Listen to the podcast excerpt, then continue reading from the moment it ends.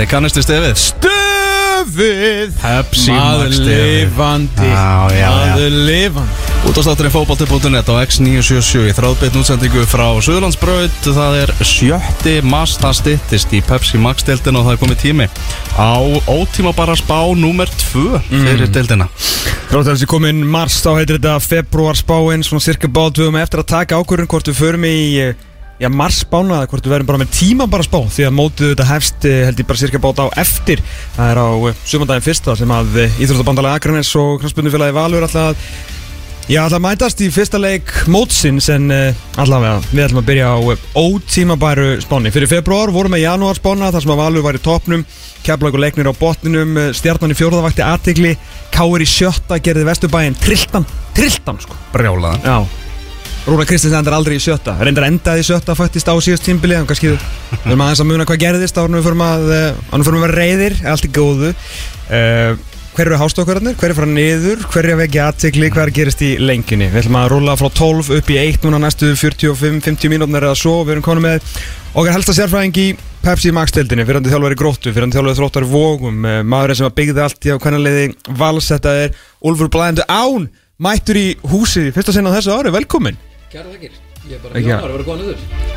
Er Er ég eitthvað lárað? Það er ég. Ert í álsnum Já, er það ekki? Já, ég skildi ég- það. ég- Vel- velkomin ég aftur. Já, takk fyrir það, ég tek bara ásinn Eða ekki? Jú, jú. Já, nummer uno í sjálfsögðu.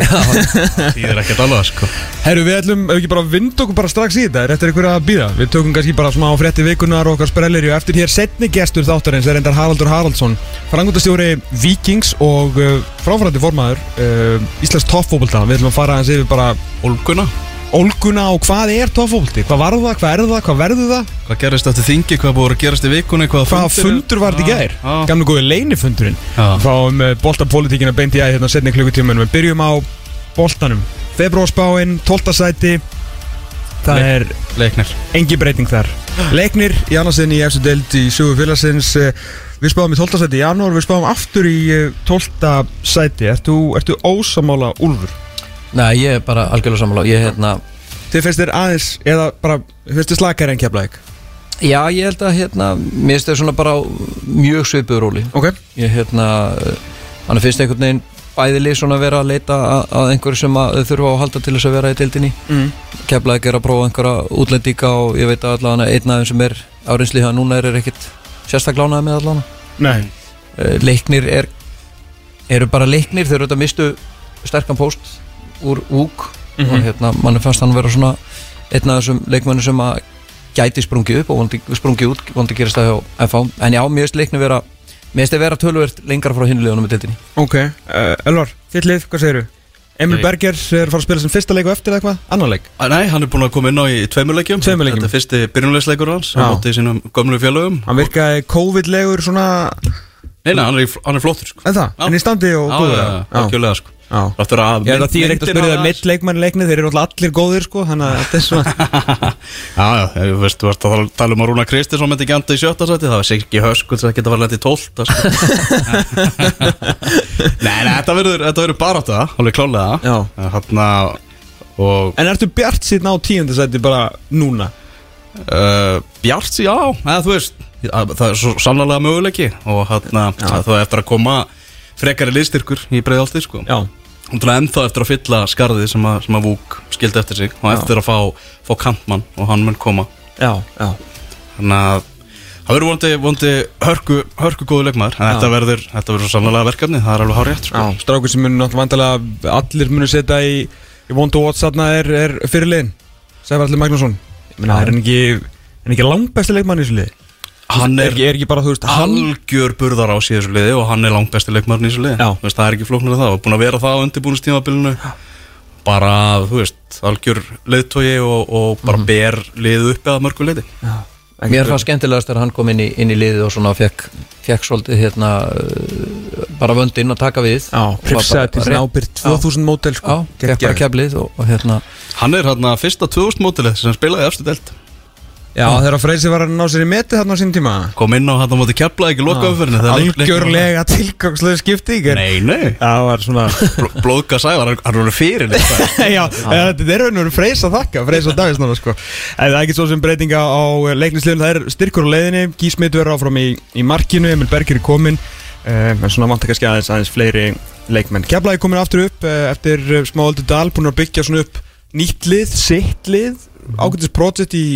í, gangi en, en svona betur má en duga skal 11. sæti þeir haldast þar frá síðustu spá hjá okkur.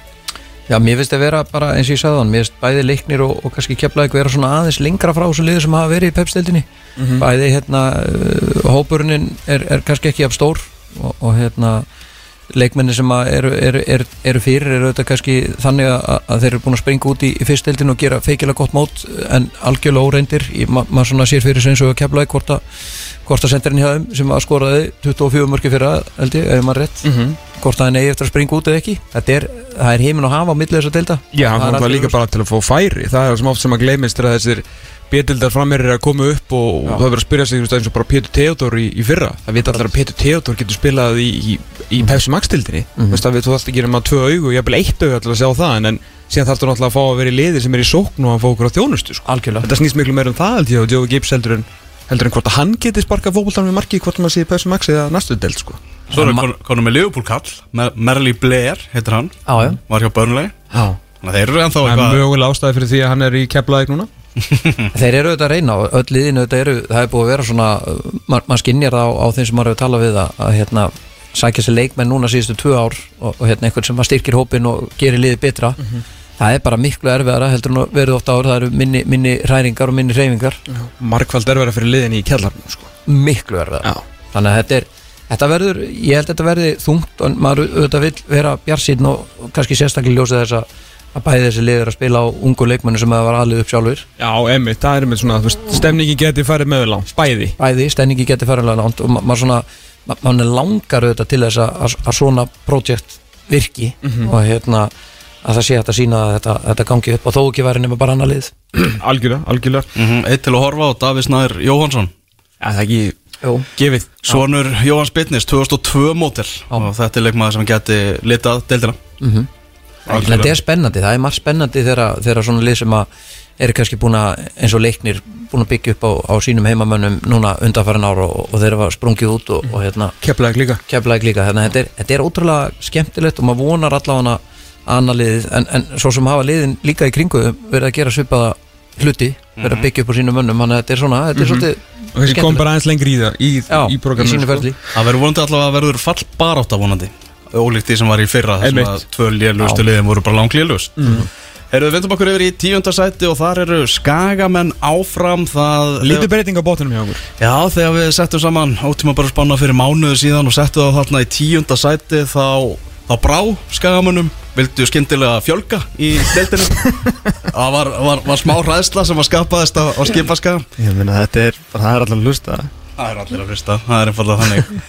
Heyrðu þeir, skagamenn Það er náttúrulega endarust umræðan búin að missa burðarása og, og allt það. Já, já, þetta verður, þeir eiga þeir eiga langt í land með að fylla skörð eins og, eins og hérna hjá Tryggva og Stefáni og, og hérna og Lars svo eru þetta Vikt og Jóns meittur það er rétt að skrýða stað núna Á góður gær, skoraði eitt eða tvö á móti, móti vestra já, og, og þannig að hann er þetta í gýrin Já, og og Stefán, Steinar Þorsteins ennþá meittur já, þetta er svona, það er, já eins og segir, það er svona smá, smá bras á þeim sko, en þeir, þeir það sem þeir eru rosalega góðir í á undirbúinistímbilinu og kannski oft, svona aðeins vera að pæla þessu, að þeir koma oft inn í mótina þokkalögum krafti, að þeir eru rosalegt prísi svona lið, þeir spila mikið í í fyrstakistunni upp á skaga mm eru ógeðslega góðir þar þú veist, þeir spila rosalega háu tempo þeir eru mikil ákjöð, þessi gælenda er undir á móti vestra og svona það sem maður sá að þessi rúlega svona yfir highlights í morgun svona ég spólaði í gegnum þetta mm -hmm. það er svona aldrei neinn spurning skilur. Svo bara koma þær og svona fítónskrafti og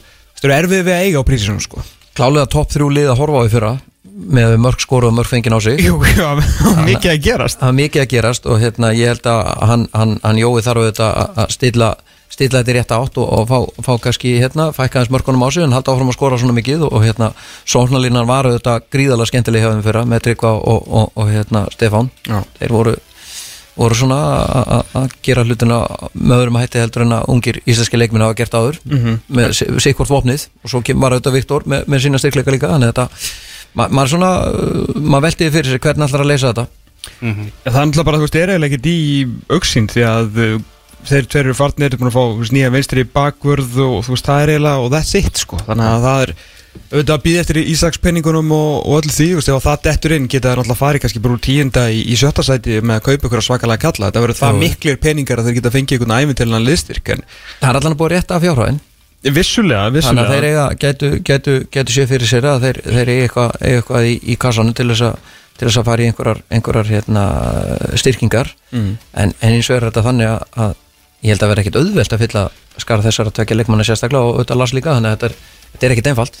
Nei, er þetta ekki líka að þetta tímabil svolítið mikið undir uh, jóakala komið? Því að, þú veist, eins og segir, menn liðið er bara svolítið svipað og í, í, í fyrra, þú veist, það er ennþá bara ungi leikmenn og þannig að Gumi Tyrfings fær, þú veist, starra hlutverk og, og fleiri til, sko, en það er ekkert búið líka bara síðustu tvö árin, þú veist, það er ekkert búið endilega að fylla í, sko, eins og hjá Bjarkasteini og síðan þessi tveir og svona, þannig að meina, hann er ekki komin eina nýja menn til þess að stoppa í gutin eins og með, eins og með hennar varnarleik sem var náttúrulega alveg hribleikur Já, já. Þú veist, Átni er ennþá í, í markinu og skilur, þannig að, þú veist hvað, þetta er svolítið undir, veist, Jói þarf að gera þetta. Já, þetta, er, þetta, verður, þetta verður snúið verk fyrir hann og hérna, en, en hann, hefur, hann hefur þetta motivation sem að þarf til þess að, að hérna, berja kraft og, og hérna, vilja í liði þannig að ég held að ég held að, að ég held að þetta sé bara að við erum ekkert langt því að, hitta á, á allan að neðstu þrjú eins og stanir í, í dag. Þú með skagan í, í tíundu líka? Já, ég var með það svolítið Ok, ok, ok Maður til að fylgjast með í, í skæðleginu er Brynjarsnær Pálsson 2001 mótel sem að skoraði tvö mörk í deltinni fyrra í 17 leikjum. Og skagamenn eru svona beint að vonu við það og hann hefur sínt merk í þessu undirbúrstíðabilinu og hann sé að taka skrefið upp. Og undirbúinistímpulum er í fyrra líka, sko. Akkurat, þannig að hann geti svona látið meira á sig kveða og orðið alvöru nafn í deltinni í sömar Já allan að það sem að eh, allan það er gaman að vera, þú veist, skagamæður eða ert bara með rosalega bara hóflega vendingar og nýtið þess bara að horfa á þína menn, unga menn, þú veist, skaga þjálfara og bara skilur ákefð og attitút og bara svona á gleði, fattur já. en hversu langt að það fyrir sinni steigharsöfn við ætlum að sá í fyrra kannski ekki, ekki, ekki sérstaklega vel, skilur, en þú veist, þetta er skemmtilegt lið. Þú veist, þetta er algjör, þetta er algjör, sko, bara að þú kaupir með að horfa á skagan, sko Í nýjöndasæti, í ótímaböru spánu hjá okkur, eru hákáingar Úlfur kannski ekkert svona mikið nýtt sem er hægt að segja um, um hákáinga? Þetta er svona gamla góða stefið. Já, þeir eru auðvitað búin að vera gríðalega sterkir á undirbúinstimbölu og búin að vera stöðugir. Það sem er kannski bestu fréttinda fyrir þær er auðvitað að Rásenberg ætlar að vera með frá, frá byrjun. Mm -hmm. það er auðvitað svona kannski styrkleikin þeirra mér finnst rauninni alveg ótrúlegt að, að hérna að hérna uh, hann sé rauninni hjá þeim. Ég, ég hef nú bara haldið hann hjá stjórnunum mér finnst hann vera það góður sko en, en hérna en Þetta er rosalegt magna á miðvörðum, Rásenborg, Gummi Júl, Leifur og Alexander, allir að það Já, þetta er hörku Brynjar er auðvitað bara búin að byggja upp svona solid lið. Það er, það er, hérna, það er allir einhvern veginn mjög jafnir, það er engin, engin svona stjarnar, liðið eru allir að hérna, berjast fyrir einhvern annan og hérna, eru bara solid, búin að vera sterkir undirbúinlega og maður svona einhvern veginn, maður horfir á það svolítið, þeir eru alltaf svolítið jafnir. Það er hérna, það er ekkert mikið þú veist, þeir, ef þeir tapa og tapa er 1-0 ef þeir vinna þá geta runni 1-0 og þeir geta unni sterkuliðin eins og, eins og liðin fyrir neða sig. Þannig að maður svona vonar að, að þeir bara ná að halda þessu stöðuleika áfram. Mér finnst það- að vera svona styrkleikamerki í þeim Já, það er líka stór munur á þessum tveimur sko, hérna, tveggjast af liðum sko, í að háká að, þú veist, ef að ég geti farið á hákáleik, þú veist, þó að vera sko greinjandi reikning út í samt borga mig á skagaleikin Mhm. þú veist, þetta er ekki, þetta er ekki veist, maður ber ótrúlega miklu verðingu fyrir því sem að Brynjar og, og Viktor eru búin að byggja hann upp, Mhm. eins og segir, þetta er rosalega sterkur basis, það er rosalega mikil baróta, flottu varnarleikur geðveit mikið skipulag og eins og segir, koma óvart oft með mér, þú veist, eiga, eru bara með káringi vasanum, skilur en þetta er engin, þú veist, þetta er engin partífótbolti. Og maður svona býður, þú veist, hvenar verður það skref tekið, þú veist, þóra er því í sumar, á að taka eitt ári viðbót í bara svona, þú veist, halda, þetta verður að halda þessu lið uppi, sko, það er svo mikið undir, þetta er svo ógeðslega stórt félag, það er svo margir leikmenn að, hérna, að koma upp sem að þurfa að vera með þetta lið í efstu del til þess að hafa eitthvað að keppa, sko. Spurning með, með Valgir hvað áhrif hann hefur verður aldrei með það Nei, ég er að svega hvað áhrif hefur hann á, á Já, bara kraftinn og svona viljan og, og svona draga, draga vagnin svolítið, hérna, draga einhvern veginn kraftinn úr hinnum leikmönnum, hann gerði leikmenn betri kringu sig. Ekki spurning Bara leikmaður liðsins hann Já, er bara þannig. Já, Þannig að það er- 12 ára gammal og hann bestur í þessu hákvöli það er það verður erfitt að fylla skarð hans. Maður svona veltið fyrir svo hvort að ég var allan til að sjá Byrni Snæ svona taka kannski skriðið fram á því núna með allan að hæfileikana sem hann hefur undir beltinu.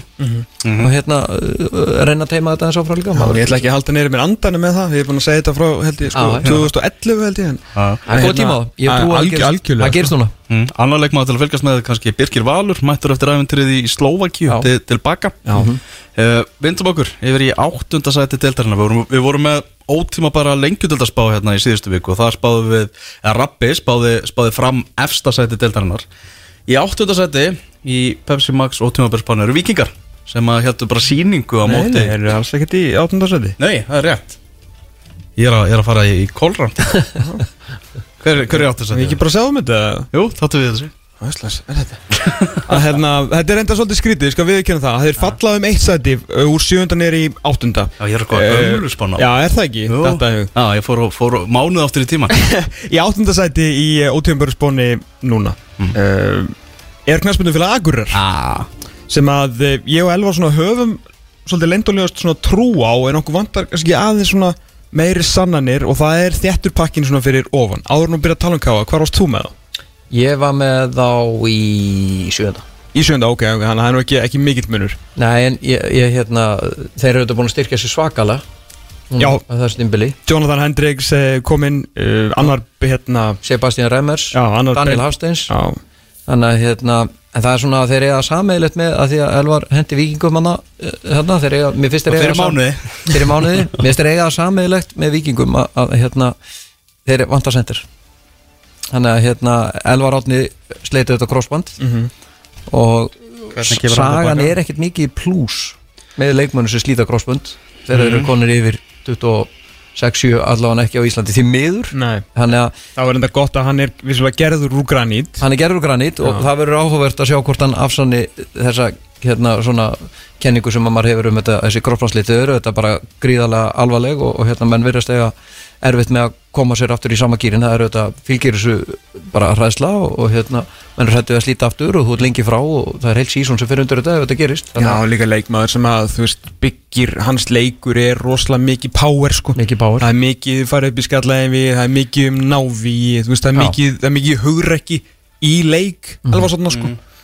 Ég held að Adi Gretas komi með og maður sá það fyrir að hann kemur með stöðuleika, hann kemur með hérna, hugmyndafræði, hann veit hvert hann er að fara hann veit hvernig fótballtæðliðins á að spila fyrir mér virkaði þetta bara massífir og mér finnst að vera með tölvur betra liðheldinu fyrir Sko ég held að Sævar Pétursson brosir sínu breyðasta fyrir norðan að, að við séum að spáðum þessu sæti sko. Já, hann sænaði sko kall bara, dag, bara sama dag og við spáðum og sendum með þess að línu, sko, herri, þetta þýðir ekki, og svo við settum á samt niður, hann ímyndi ykkur hver verður sænaðar á eftir, sko. Já, nokkulega En er, þú veist, þeir, hérna, þeir vissulega gerðu, töpuðu bara 1-0 fyrir Káa sem er raun og veru eins og, nei, hérna fyrir Val sem er raun og veru eins og að vinna Val og Prísson því að Valur er að skora svona á bylunu 6-15 mörk í leik núna. Eh, en svo er þeir búin að vera að taka, hérna, tókunum hlá Víking Ólasvík sem er í, í, í rosalöfum fasa að taka HK 2-1 á heimavelli.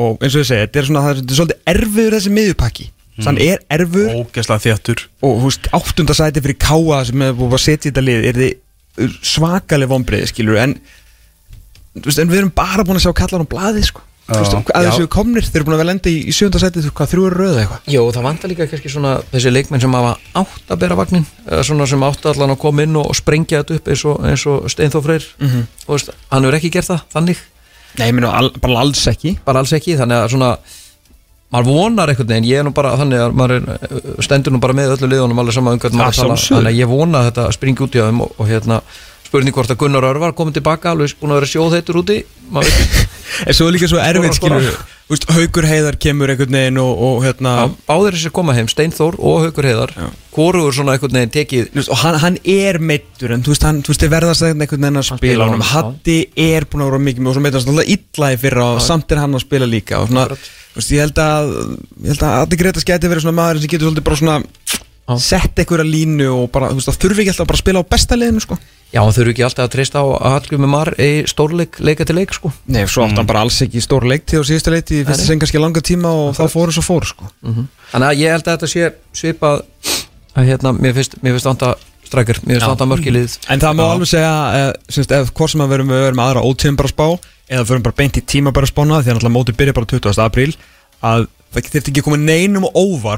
að náttúrulega mótið byrja bara 20. apríl að það þurfti ekki að koma neinum á óvart að káa er þið hástökver í næstu spár skilur. Mhm.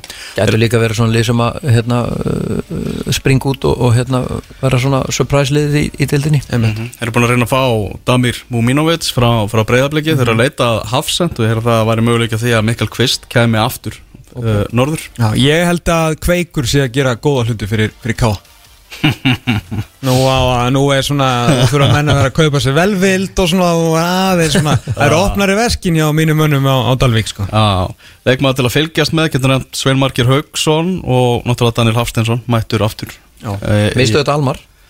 Já, mistu Almar. Það er, það, það, Hann var auðvitað töl, tölvört mikið burðar á svona og skoraði allavega eitt ef ekki tvö mjög mikilvæg mörki fyrra. Algjörlega, og, Rodri er hann alltaf bestileg maður dildinni Já, hann er, já.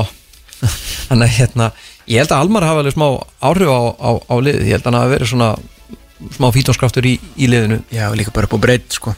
Algjörlega.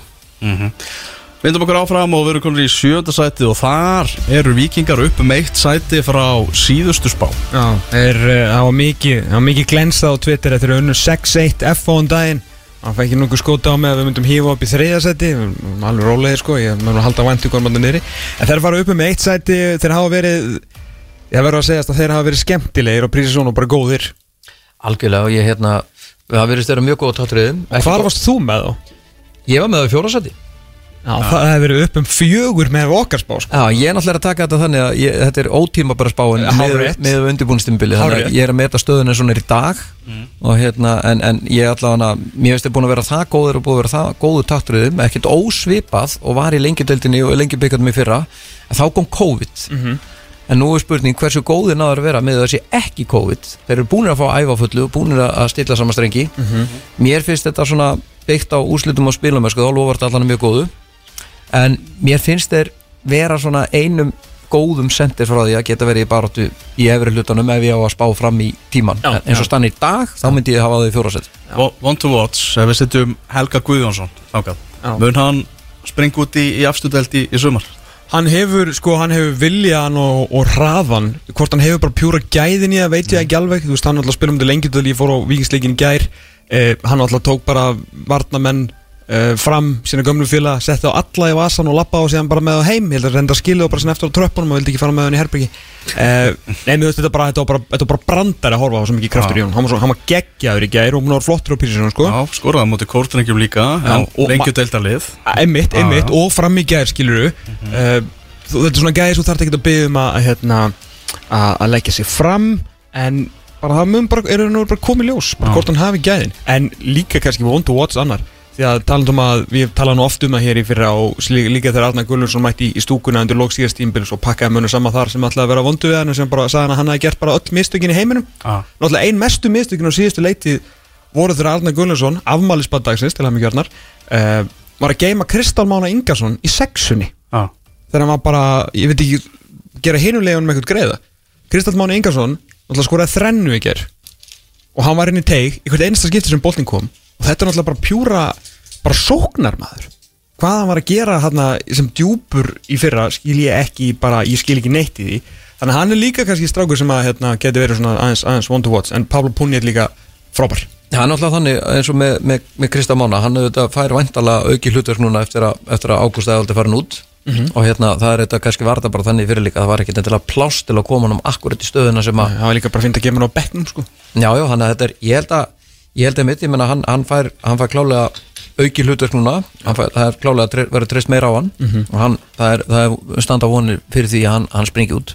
Það vantar, uh, vikingar vantar svona þriðja miðjumannin uh, til þess að vera alltaf svona, já, svona kannski fjórða með Viktori og, og kannski svona frammerja sem er alveg veist að fær mörg frá en það náttúrulega vantar öllum öllum liðin þannig mann. En þeir eru búin að vera virkilega flottir á prísinu sko. Algjörlega. Er bara, er, er ekkert verið að búa til sendera í yngarflokkunum í dag? Ég held að nei það er ekki bara týr.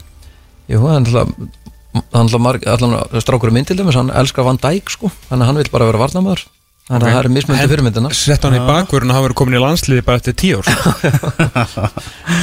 eru sjötta sæti niður um eitt sæti frá síðustu spá eru strákar sem að ég vel verður að fara að sjá hérna á eftir. Það eru appelsinugulir árbæðarins besta. Fylgismenn þeir hafa verið bara nokkuð solid og bara kannski rúmlega það eða öllu undirbúinistímbilinu nýtt konsept, bara svona Tapa ekkert. Tapa ekkert. Hvernig þér á þess að spá? Mér finnst það bara raunhæft, þeir eru ekki búin að tapa leik eins og þessu, þeir eru ekki búin að tapa leik. Eitt jættefli mútið val, er þeir ekki eina, eina liði sem hafa, sem hafa náð stíja mútið val undirbúinstibli, Jú, ég held að hann var þetta í úslita leik en þú veist Já, já, það. að hérna, en þeir eru þetta bara á þeim stað, þeir eru að vera að byggja ofan á það góða starf sem þú voru að gera í fyrra, eru ótrúlega vel skipulaðir, gríðalega þéttir og hérna, það sem að kannski svona, mér var skemmtilegast, ég þekki nú nokkara leikminn hann í liðinu og, og hitti, hitti þá oft og títt og, og þe- þeir virðast vera bara mjög taktístýr og hérna, gerðu þetta vel í fyrra, þeir eru mjög góður að sækja, sækja rætt og þeir eru með, með leiðir. Mér finnst þeir vera, þeir eru með hugmyndafræði og ég, hérna mér langar ekki að taka neitt að þeim. Mér finnst finnst þeir vera alveg útrúlega skemmtilegri fyrra og, og hérna, gera hlutina einfalt en, en samt með þeim mætti að þeir, þeir vilja sína stöðuleika og, og hérna og ég held að svona bara fyrir mína parta finnst mér sennilega aldrei hafa tekist jafn vel að gera fylgisliðið að alvöru liðið eins og í fyrra. Og ég vona innilega að þeir geri og haldi áfram með, með, með sama hætti eins og í fyrra. Og því að svona með þau samtöl sem ég hef átt við leikmenn í liðinu þá, þá eru menn feikil ánaði með þjálfarna og, og svona þeirra línu og, og hvernig þeir eru að vinna vinnun og ég veit að þeir eru að leggja mikið á sig til þess að gera, gera hlutinu vel. Já, Atlasvið Þóra eins og náttúrulega er uh, þetta er svona, þetta er nagli sko. Það er svona nettu gamli skóli í honum en örugglega í bland við svona fína þjálfræði svona alltaf með þessa sterku fylgistengingu. Uh, líka í, í aðstáðu þjálfurunum mikið, auðvitað mikið af hæmamönnum en ekki, ekki svona mikið að týna sér og tapa sér í umræðu um þá eins og þeir gerðu oft sem að var orðið vel þreytt og þeir svona á endan náttúrulega bara fjellu á, á svona þeirri, þeim pælingum sínum sko. Þannig að hérna, að vera að samkvæmst sér uh, ungum leikmönnum annar staðar frá uh, náttúrulega þú veist, þeir voru þetta svolítið annarkvort eða hjá þeim í fyrra, þeir bara unnu eða töpuðu sem er þetta alltaf skemmtilegt á að horfa. Að því að maður kannski, þeir voru svolítið mikið í jafntöflum áður en síðan týndust í jafntöflin, kannski verið einhverjum sigurum en ég meina, allir sveit komin á og sagði bara hvað sagði hann oft orðið stöðuleiki þegar hann kom í vital fyrir tímil 17 sinnum. 17 sinnum, já, já.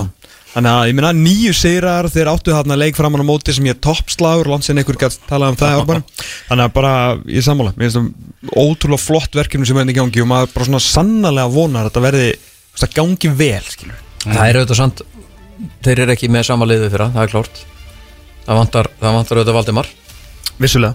og hann var einn af fjórum bestu leikmennum í deildinni fyrra mm -hmm. Ólafur Ingi Skúlason verður vantarlega ekki með þeim Mhm, Hann var ekki með Það verður ekki með. hann verður ekki með, þannig að ég þeir verður ekkert með jafn gott liðið fyrra, það er alveg pottitt. Ég held að verði miklu meiri vandræðum núna heldur en í fyrra, svona ef við ætlum líka ekki vera bara hérna alveg ótrúlega jákvæðir og svo laus en hérna en, en starfið sem þeir eru búin að gera og það sem þeir eru búin að búa til og þessi leikmenn sem eru eins og Nikolas Val sem að uh, engi vissi hver var. Nei, allt innu vita allir hver hann er. Já, þannig að ég held að en það vantar það vantar náttúrulega sérstaklega Valdimar og hann var ógeðslega góður. Hann var ógeðslega góður, en eins og með Nikolás Val og hérna og Arnóri skilur sem kom úr, hérna, úr, Mós og svo bæta þær unnari steini við líka skilur, þetta er allt ungi leikmenn en ef þeir halda áfram til að fara aftur í Halleluja Amen skilur, ef þessi strákar halda áfram og bæta sig þá er hægt að svona, ég held að þú fyllir ekkert í skada Valdimars en þá þú veist vinna með þetta öðruvísi. Já, ég held að bara, ég, ég held bara samt því miður að miður við það að missa Valdimar sem að var algjör kýplegir og algjör svona bara óvissu þáttur fyrir anstæðingana þú vissir ekkert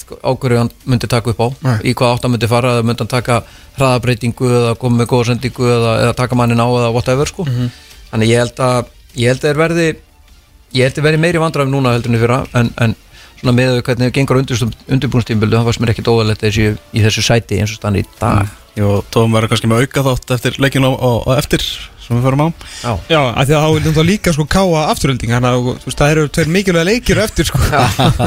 Erum við, þetta var sjötta sæti, við erum í efri hlutunum. Niður er um leikmaður til að fylgjast með. Já, fyrirgefðu. Unnar Unnar Steinn Steinn Ingvarsson. Ingvarsson Sonur, sonur Ingvar Sóla sem getur verið svona akkeri kom frá, frá frömmurum. Bæta, bætast við á þessu ungu og þeirra. Já. uh, upp í femta sæti, niður um eitt sæti frá því, á, frá því síðast uh, og mikil ósæti við leinili stjórnunar hafi verið í fjórðasæti við fellum og niður í femta sæti þráttur sem búin að koma út úr uh, leinilklefanum Já. og vinna leiki. Það spilar aðeins inn í sko Ég er búin að tala aðeins við fólk í Garðabænum. Já. og það, fólk verðist vera svona blendna tilfinningar fyrir tímabilinu. Ég- Mér, mér fannst þetta mjög skrítið að það voru ekki með í undirbúinsmótunum hérna, voru þetta ekki með í Nei. sem mér fannst alveg stór fyrirlega þá voru þið bara inn í, inn í kofa að spila stjarnan um þetta stjarnan Já, já, ég, ég, ég hérna, já, já, þeir eru búin að vinna, vinna hérna, þeir eru e- eitt af mörgulegum þess að eru búin að fara, fara, fara yfir hérna, þeir eru með Emil Allarend að skoraði tvö mörg í gær, er ekki? Hann þarf að vera góður fyrir þau sumar eða? hann þarf að vera mjög góður og svo er það með Þorstem á og hérna ég myndi halda að sendist að hann sé áhyggjefni eins og á mörgum liðum mér finnst, það vantar ósað mikið bara að að maður er að rýna í dildinu og búin að vera að skoða liðin, Þa, það vantar allavega þeir sendira sem eru, ég meina Emil Atla er, er, er svona fyrsta sinn núna á þessu undurbúnstýmbilu að skrýða saman eftir bara meðsli síðustu ára. Já, þú veist á fítni fyrir sko. Hann var fínn í fyrra en, en hérna hann er að- að Þorsteinn Már líka en, en aldrei verið sendir þannig að þetta eru tvei leikmenn sem hafa verið að spila upp á toppið á núna. Þannig að ég hérna maður sér ekkit já, mér, mér finnst þetta vera, mér finnst mörglið vera mér finnst ágætni hvað mörglið eru með með sendera sem að, sem að kannski er ekki búin að sanna sig að hérna, Svo maður mun komið ljós hvort að þeir munu nota þessa frísku fætur á, á þú veist, þeir voru hans að nota prísisonni fyrra og Rúna talaði um það og síðan, þú veist, raun og veru gekk hann gegn sínum eigin orðum því að sem, á endanum sáu voru lítið af þessum ungu stráku fyrir utan Sölva Snæ sem hann líkil með aðrana þannig séð. En nú er Óli Valur sem á líka að spila á síðast tímbili undirbúinist tímbili að búin að starta eða þess að tvo þrjá leiki sér er búin að spila. Eh, sem og Tristan Freyr Ingolson, þú veist þannig að það eru svona ungi menna að koma inn í þetta þeir munu möguleika líka kannski veikja aðeins liðið, þeir munu kannski styrkja það til framtíðar en hvað þeir munu gera fyrir þá ef þeir byrja, þú veist þetta mót maður svona veit ekki alveg, þú veist, hver, hvert maður feð með stjórnuna voru þettir, þú veist, þeir munu vantilega byggja aftur á svolítið sterkum varnarleik því að hann var komin í, í flott lag á, á síðustu leikti Og kannski hugmyndafræði Rúnar Páls og Tóta að tónarar betur saman heldur en hjá Óla og Rúnari. Já, ég menn það er erfitt að vera með þjálfara par sem að kannski bara gengur í berhaug við hvern annan, sko? Þannig að þetta ætti að vera aðeins, þeir eru svona báðir varnar miðari, myndi maður að segja, sko. Mér finnst þeir allan svona þá leiki sem ég er búin að sjá með núna að mér finnst þeir eiga mér finnst þeir eiga langt í land og eiga alveg helviti mikið ásakið orðbræðið, ansið mikið inni. Og hérna uh, þeir eru auðvitað bara búin að spila fjóra leiki á þessu ári að meðan hinliðin eru búin að spila einhverja sjöleiki þannig að þeir eiga pottet 7-8 allána þannig að hinliðin eiga, eiga eins svona tíma á þau. En hérna mér finnst þeir þetta kannski ekkert endilega að vera neitt rosalega samfærandi í leikjum sem þeir eru að spila. Vinna í að Já, þannig að hérna ég held að Já, ég myndi allan að vilja sjá ég myndi vilja sjá svona uh, maður hefði þetta vilja sjá bara meira af þeim. Þeir eru svolítið svona óskæða blaðin sem staðinu núna þeir eru bara búin að spila fjóra leiki og það Já, er þeir eru búin að fara líka svona þægilegt prógram sko. Þeir byrja á vestra, eh, taka í að stjartan í að mætast okkur einasta undirbúinstímbili það eru eiginlega orðin árlegt dæmi. Svo er það sko gróta og, og keplavík þannig að þetta er, þú veist, lengjudeild og kannski kjallarinn Já, þeir eru ekki búin að spila neitt alvöru leik á þessu tímbili Nei. þannig, að, þannig að ég Jó, og í að, skilur við, og vinna- já. það 2-0 já, jú. Já. en ekki kannski liðin í kringu sig Nei, Já, nei Hilmar Átni Halldórsson í, í nýju hlutarki hann verðist vera orðin fyrirlegi leysins búin að vera með bandið núna í, í lengjuböggatum Ok. uh, Legmaður til að fylgjast með það hendur við bara Einari Karli Ingvarsinni Já, já. sem að, sem hann kom að frá styrkja á Á nýjum stað Já, á nýjum Já, stað, kom já. frá Valsmennum hlýtur að fá auki sjálfstöðust og reikna með því að spila alla leiki og hérna ég held að mér fannst hann vera góður í val þegar, þegar hann var að spila spila fyrir þá eru Íslandsmeistar hann hann er feikilega mikið styrking Herru, nú förum við í, í fyrirsaklinnar Við tölum um það síðast fyrir mánuði að topp þrýr þau sem voru topp þrýr þar ég væru eiginlega bara óhakanleg á, á þeim stað Viltu ekki byrja á fjóraðsendinu? Er ég alveg í rugglinu?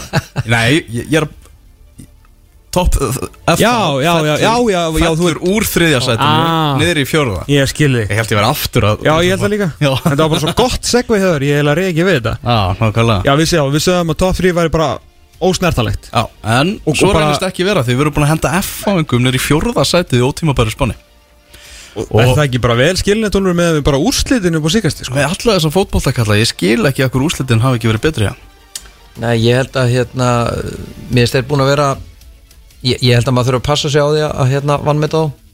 Þeir eru auðvitað að koma þessu saman þeir eru auðvitað allt í öllu ekkert Gunnþór og þegar hann er ekki með þá er bara hímin og haf finnst mér að vera á liðinu. Hann er auðvitað með hvað bróti bátspinn?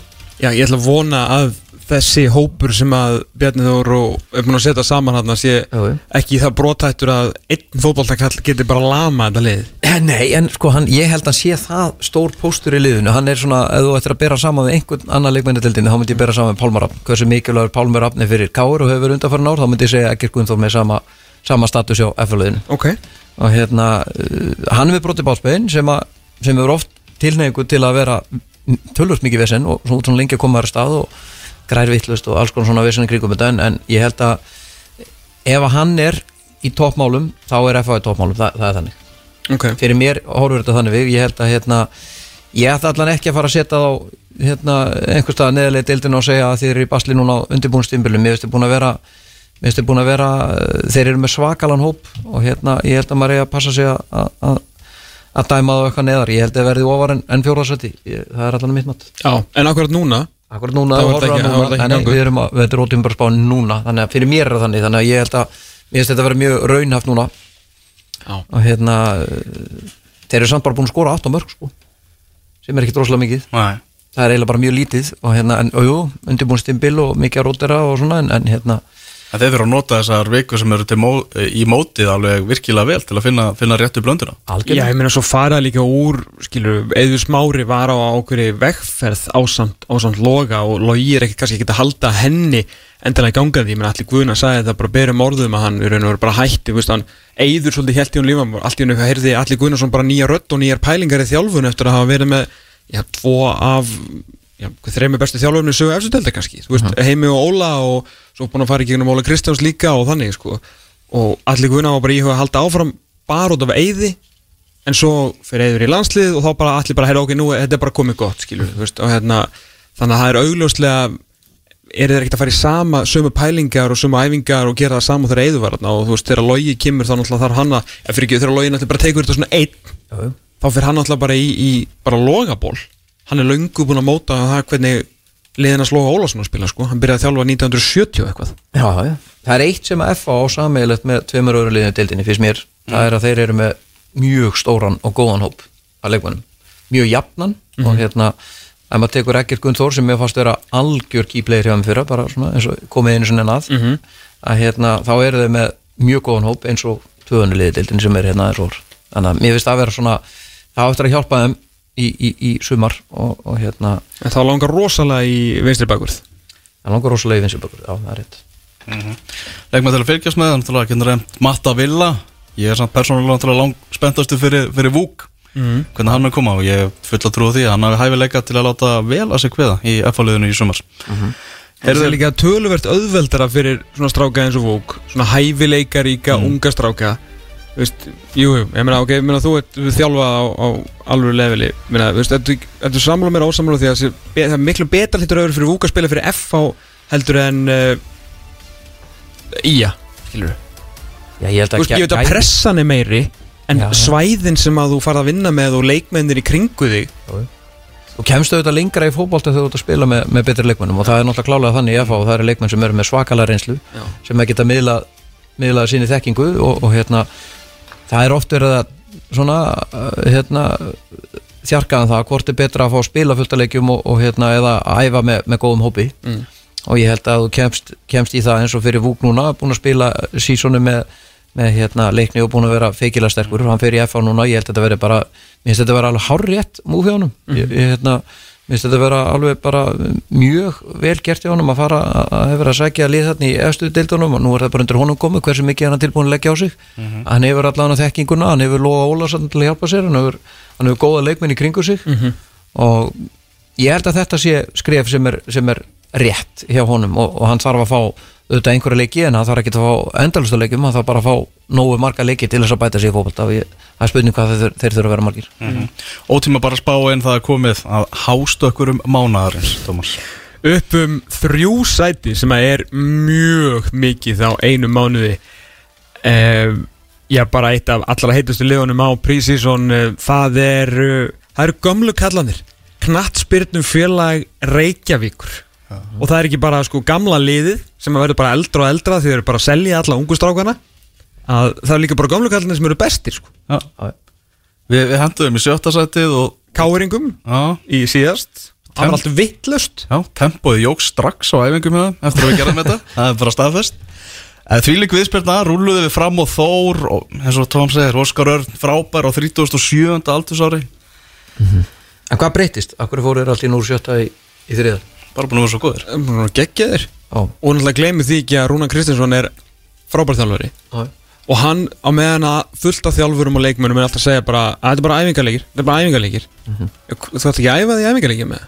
Já, hann algjörlega. notar munið þegar hann kom aftur til landsins og við skildum ekkert okkur að hann notaði bara alltaf bestu kallana í bæði Reykjavíkumóndinu og lengjubíkandum og allt- öllu því. Mhm. sem kom bara heitin viðtal og útskýrið það var engin pælt í þessu áður, bara, ég verður bara að vita hvers minn besta lið væri, þú veist, okkur eitthvað vera að nota einhverja strákjæmlingar og öðrum flokki þegar ég var bara komin tilbaka. Ég þarf bara að vita hverjir eru bestir í þessu liði. Þú veist, hann notar þessa leiki. Nú er hann bara að nota þetta mót til þess að kveiki aftur í þessu liði. Þeir komist ekki Evrópu sko. Þeir eru káir. Já, með sko rondýrt fótballtalið Já, þeir, þeir, eru- það eru samt svona ákveðin, ákveðin hérna, ágefni sem, að, sem að mér finnst allan að vera hjá þeir núna þáttur þessu búin að vera mjög góði núna og pakka fram og, og taka þór hérna, samfærandi að mér finnst þeir treysta ómikið á, á 37 ára gánuleikmann sem að ég held að geti orðið vesen fyrir og ég er svona veltið fyrir mig hvað sko þeir eru bara búin að gefa það út að liði virki illa ef að, að Pálm er ekki með. Það er bara, það er bara búin að gefa það út. Hvað ætlar að gera ef að meiðist Já, þetta, þú veist, þetta er þessi setning náttúrulega getur satt um alla sko. Já, en þú ert kannski ekki með alveg Þú veist, þú vilt með náttúrulega F á falli ef ekki er Gunnar Nei, nei, ég er kannski ekki alveg það Ég veist, að vera það sterkir þessi tveir póstar fyrir þessi lið. Mm. að hérna ég, ég allan að ég, ég, hérna, ég er nokkuð, nokkuð vissum það að, að þeir verða í vesinni ef að Pálmi meðist. Kjartan Henry auðvitað kemur til með að styrka liðið. Hann er auðvitað á ég finnst nú bara ég veit að segja það sé nú bara ansi líklegt. Já, þannig að hann áttur að gera mikið fyrir það en ég, já, mér finnst, ég, ég, er, ég er á þeim stað. Mér finnst bæði F og, og hérna og K er vera með, F er með, með Pálma sem að skiptir á rosalega miklu máli og, og liði tekka þegar hann er með og ekki mm. Gunn Þór síndi það fyrir að en auðvitað kemur Matti vil þar inn skilu, ég, ætla- en við ætlum svo sem ekki að fara að ræða F áttur en, en Pálmi er algjör líkilegmaður fyrir Káir og hefur verið það. Og, og hann er á fótum Við erum ekki að tala um hann sé hann er á fótum Já. en hann er ekkit yngjast. Nei, nei. Þannig að það verður áhvert ég, ég, ætla- Búin að ég, bæta í reynslubankan Ég er mjög spenntur, það er, það er, það er mikið, finnst mikið spurningamerkjum hana en, en ég ætla ekki að vera eitthvað dómharður en mér, mér finnst þetta að vera spurningamerki. Legum að til að fylgjast með maður sem að held nú Óskar Erni aðeins á bekknum á síðasta tímabili Stefán Lótni Gesson svona á að taka skrefið upp á við og taka ennstara hlutverk í, í, í káarliðinu á þessu tímabili. Förum yfir í topp 2 í annað sæti í öðru sæti er afskaplega gott fótbollalið sem heitir Breiðablík Já, þeir uh, vinna alla leikir sem þeir uh, fari í, þeir eru með ókvæmlegan hóp, unga og efnilega leikmenn í bland við uh, reynslu, mikið gæði, strákar sem hafa farið út og eru le- mögulega á leiðin út. Og svo þetta metnaði fyrsta þjálfara á uh, gerðvalli Evrópu, mögulega, í Óskar Hrafni Þorvaldsinni, uh, þetta er leið sem að á að stríða valdið ekki, að klálega en þetta er ekki bara eitthvað hvort, Nei, nei, þeir eru með þeir eru með, hópur þeirra eru auðvitað bara ef það er eitthvað lýs ekki að snála því að vera mjög góðan hópi og, og valur þá er það breyð Já. fyrir utan það þeir eru auðvitað að missa Brynlúl sem er auðvitað mjög slæmt og virðast vera svona, það er að kvarnast aðeins úr hóttum með þeim núna eh, ef, að- ef að Já, þeir eru aðeins að missa en á móti kemur og góðu fréttin eru kannski það að tveir aðeins sem að komu fyrir sísónu eru ekki ennþá búin að spila. Og hérna að, að, að, að sem eru, Davíð, Davíð Örn og, og hérna Finnur. Já, spila Davíð gerði það? með, Nei, þannig að þeir eiga tvo mjög sterka pósta hann inn og þeir eru ekki búin að spila neitt.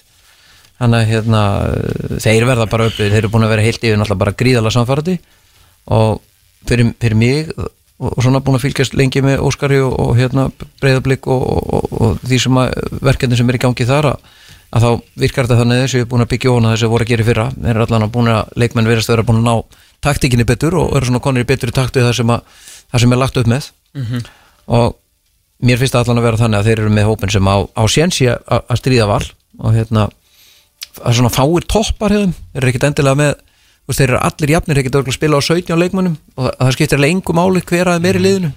Og það, það er mjög fálið þannig þannig að breytingarnar á milli leiki að verða litlar, mótið fyrir auðvitað svona sérstaklega þjætta stað núna hvað, nýju leiki fyrstu fimm vikunar og þá bara skiptir rosalega miklu máli að vera með, með stórun hóp og það er þetta þannig að það er kannski tvei leikir á viku svo framlega þessi liði kæst í 16 lúslit og ég held að öll þessi toppliða ættu nú að komast ángað -hmm.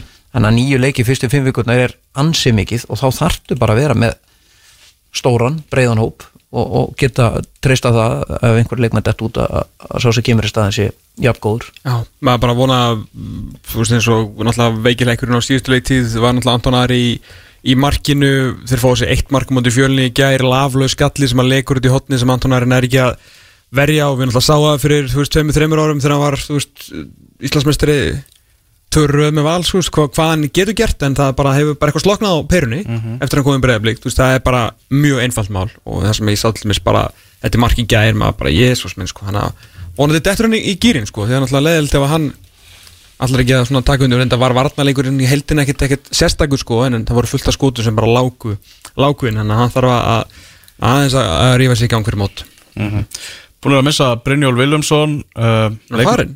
Uh, svona er að missa hann. Ég held að það sé alveg pottið En hefur, þú veist, hvað hefur Brynjólfsson gert fyrir breyðablöku Íslandsmáti? Já, en þú veist, hann átti að spila líkil rullu Já, þessu og ég segi, þú veist, hann var ekkit hörm, alls ekki hörmjöli frá fullta leikina sem var bara Já, mjög fínn Já, í já. þráttur að vanta kannski mörg og stóðsendingar og það Mhm. er greinlega verið að koma á, á prísun núna hún var hrikalega blöð, það sko var- var teikna loft um það að hann átt að vera bara einn af mönnum mótsins í sumar algjörlega, sko Já, ég held líka að það sem hann kannski gerði var kannski ekki endilega sýnilegt úst, það voru allir að tala um hann eftir að skora svo mikið á mörgum en hann hjælt boltana vel og kom hann vel frá sér og tók rosalega mikið til sín og var svona ákveðin X-faktor. Mm -hmm. Já, að- rosalega sterkur í teiknum, sko og svona átti svona í, í þátt í miklum sóknar uppbyggingum, sko. Algjörlega og ég held að það sé það sem hann gaf liðinu og þetta er þetta þannig að hérna, þú rínir í bara mörg og, og, og stóðsendingar þá kannski er þetta skjóta niður en þú- tekur saman hversu lengi hann heldur boltanum ofalega vellunum fyrir liðið eða, eða hversu oft hann farin er fætur og heldur mönnum frá sér það eru konið tvei-tri leikmenn fyrir hann í kringum hann og, og stu, við sáum það fyrir að breyðblik skapaði þetta ótrúlega mikið að færum og náðu kannski ekki að nýta þau en, en hérna hann átti klálega mjög stóra þátt í því að- leikmenn voru einir í tegnum og, og hérna náðu samt ekki að nýta það þannig að ég held að En fer, fer Óskar og kaupir eitthvað núna er já, medfið, medfið hjá Kristjánsund þetta er ekki eitthvað norst medfið yfir Nei. Þetta er þetta, þetta er þetta mjög góð spurning. Ég, hérna, maður auðvitað veit ekkert hvað að gera en þeir fá allan að peninga. Já, og hvað, hvað er í bóði fyrir þá? Þeir- er þeir að fara að taka eitthvað hérna á, á Íslandi? Er einhver leikmaður sem að alltaf þeir að svara bara um hæl og bjóða í Patrik Pedersen? Þú veist þetta Brynjólfur feikilega efnilegur en efnilegasti leikmaður breyðablík sem mínum mati er Róbert Orri Þorkjálsson já, algjörlega. Og verður hann í uppáðið tímabils verður hann ekki bara farin fyrir tímabil líka Já, ef hann spilar á, á undir þú einsásbútinu Já, þú veist, ég held að það sé bara nú þegar bara fullt af félögum sem, eru að, að, sem vilja fá hann sko. ég held að sé alveg ótt að segja að hann er allan eitt af bestu hastandur með deildinni núna, það er alveg pottið og þessi sko The Mosso Connection þegar hann loftar húnu með Bjarni Ólas vinstri löppinni sinni yfir og hæri á Jason Dada sko.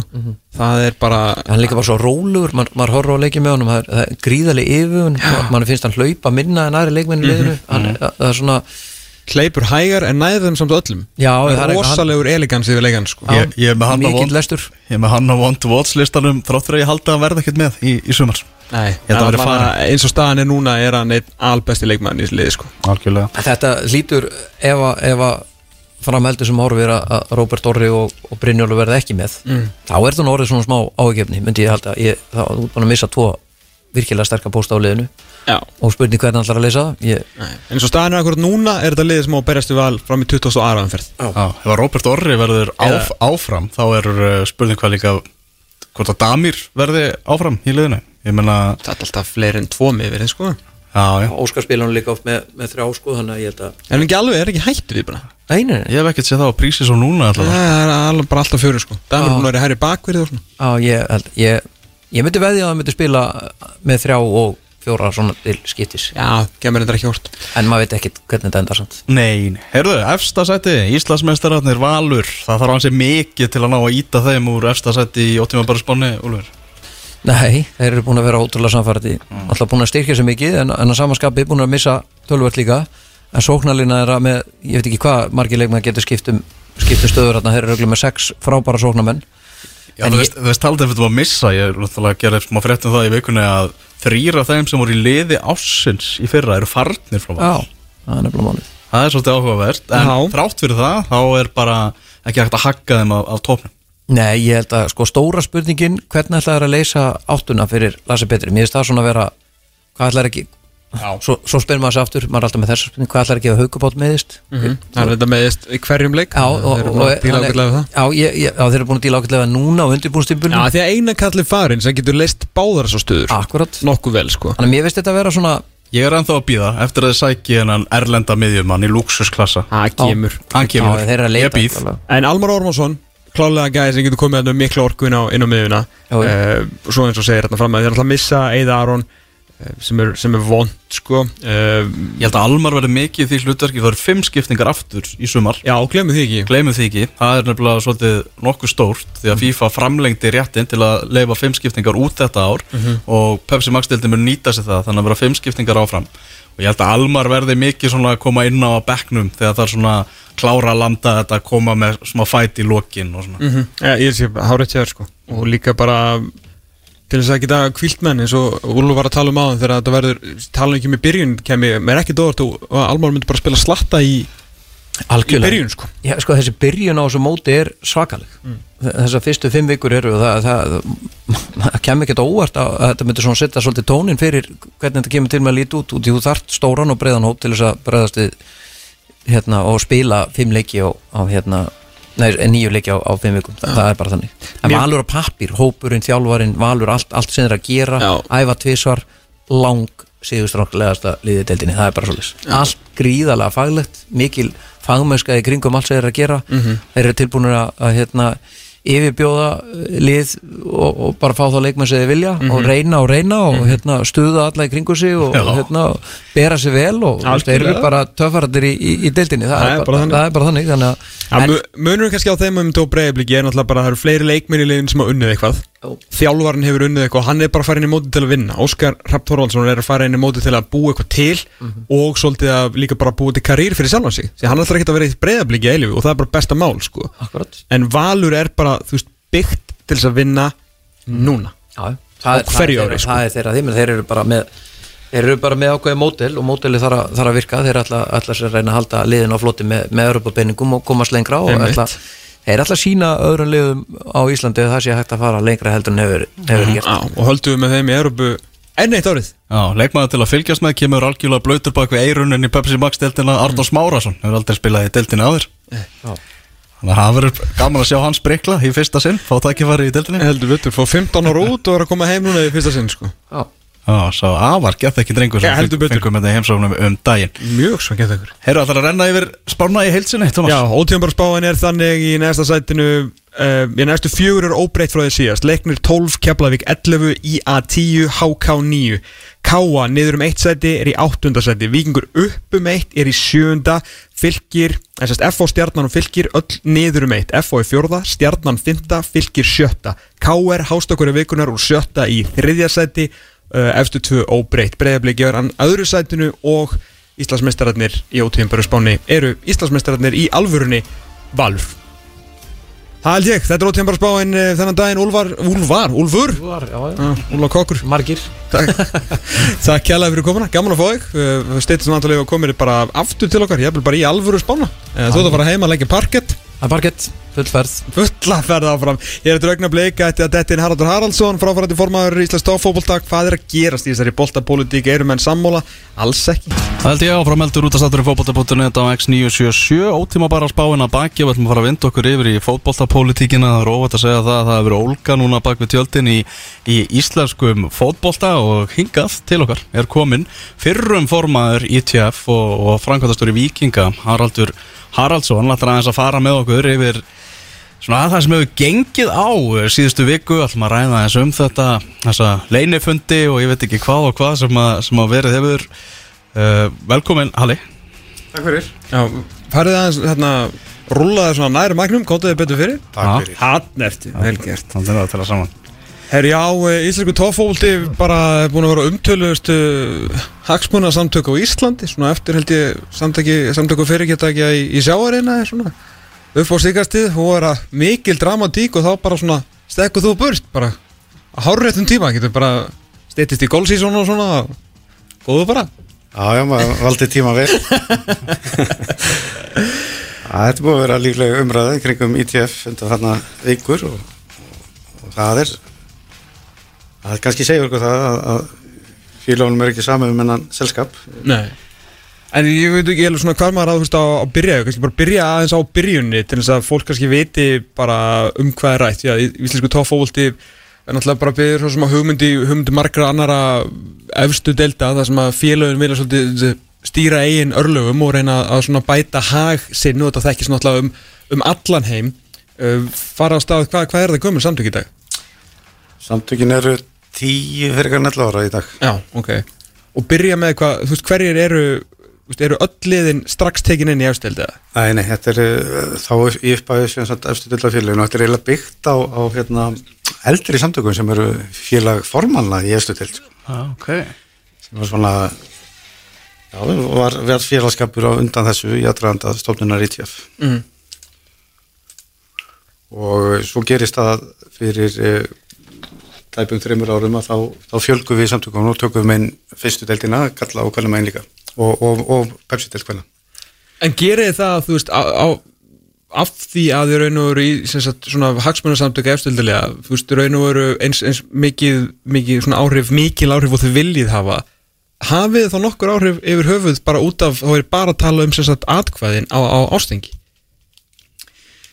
Já, sko, sko, við förum í gegnum söguna þess að það er svona upplegið að þessari breyting á sínu tíma svo að við, við förum til Noregs og, og, kynum okkur máli hvernig þeim er háttað hjá norsk toppfútból Mm -hmm.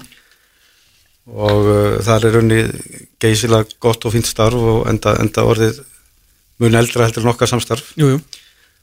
E, þar eru tvær efstu deltir í kallafótboltanum saman í, í, í þessum samtökum við ákveðum að fara þá leið líka og, og, og það voru gerðnar ákveðna breytingar á lögum KSI sem hérna sem lutu að því að, að ITF fengi þá markasréttindinn á deltónum og, og manni í stjórn KSI og til þess að fá ná þessum breytingum gerðn á sínum tíma þá þurftu við stærri samtök og, og meira atkvæða, magna baka okkur og, og ég persónulega held að það hafi ekkit verið vond breyting sko Nei.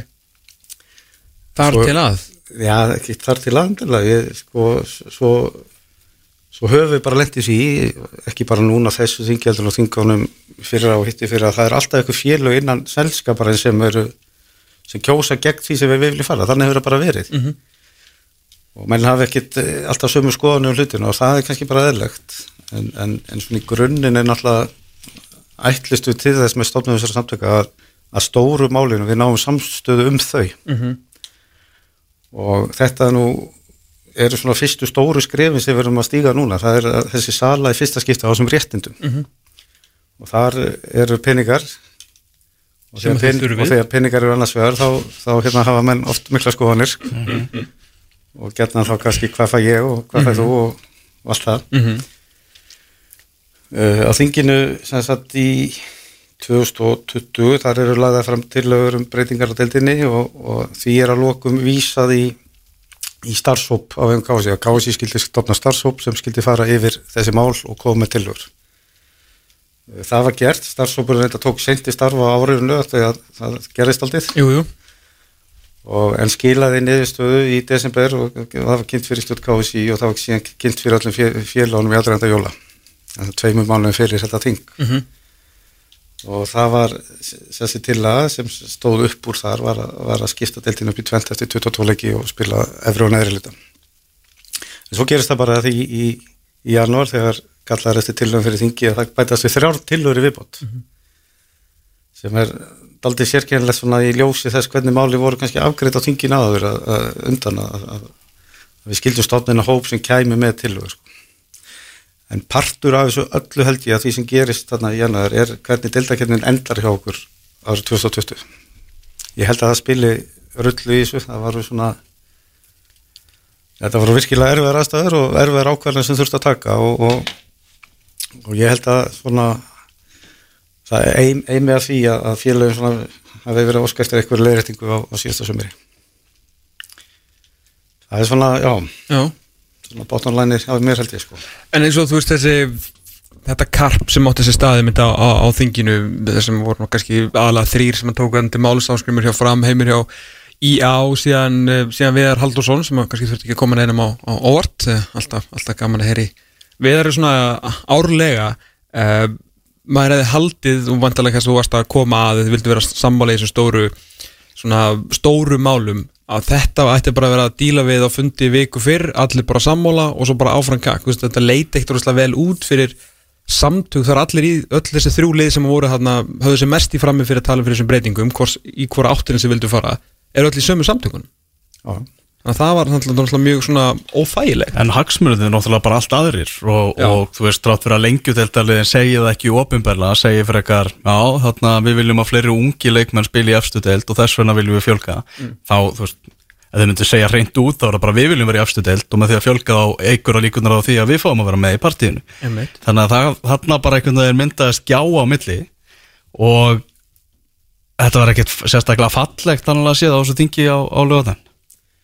Nei, nei, það tókust á þetta blokkir og, og það var greiðlega smölun bæði í aðrata þingsins og bara með að þinginu stóð. Við, ég frétta því að það var að ringja og senda SMS í allar átti til, Jú, þess jú. að- til þess að smala og, á baku tilöfu fram með 14 lega deild.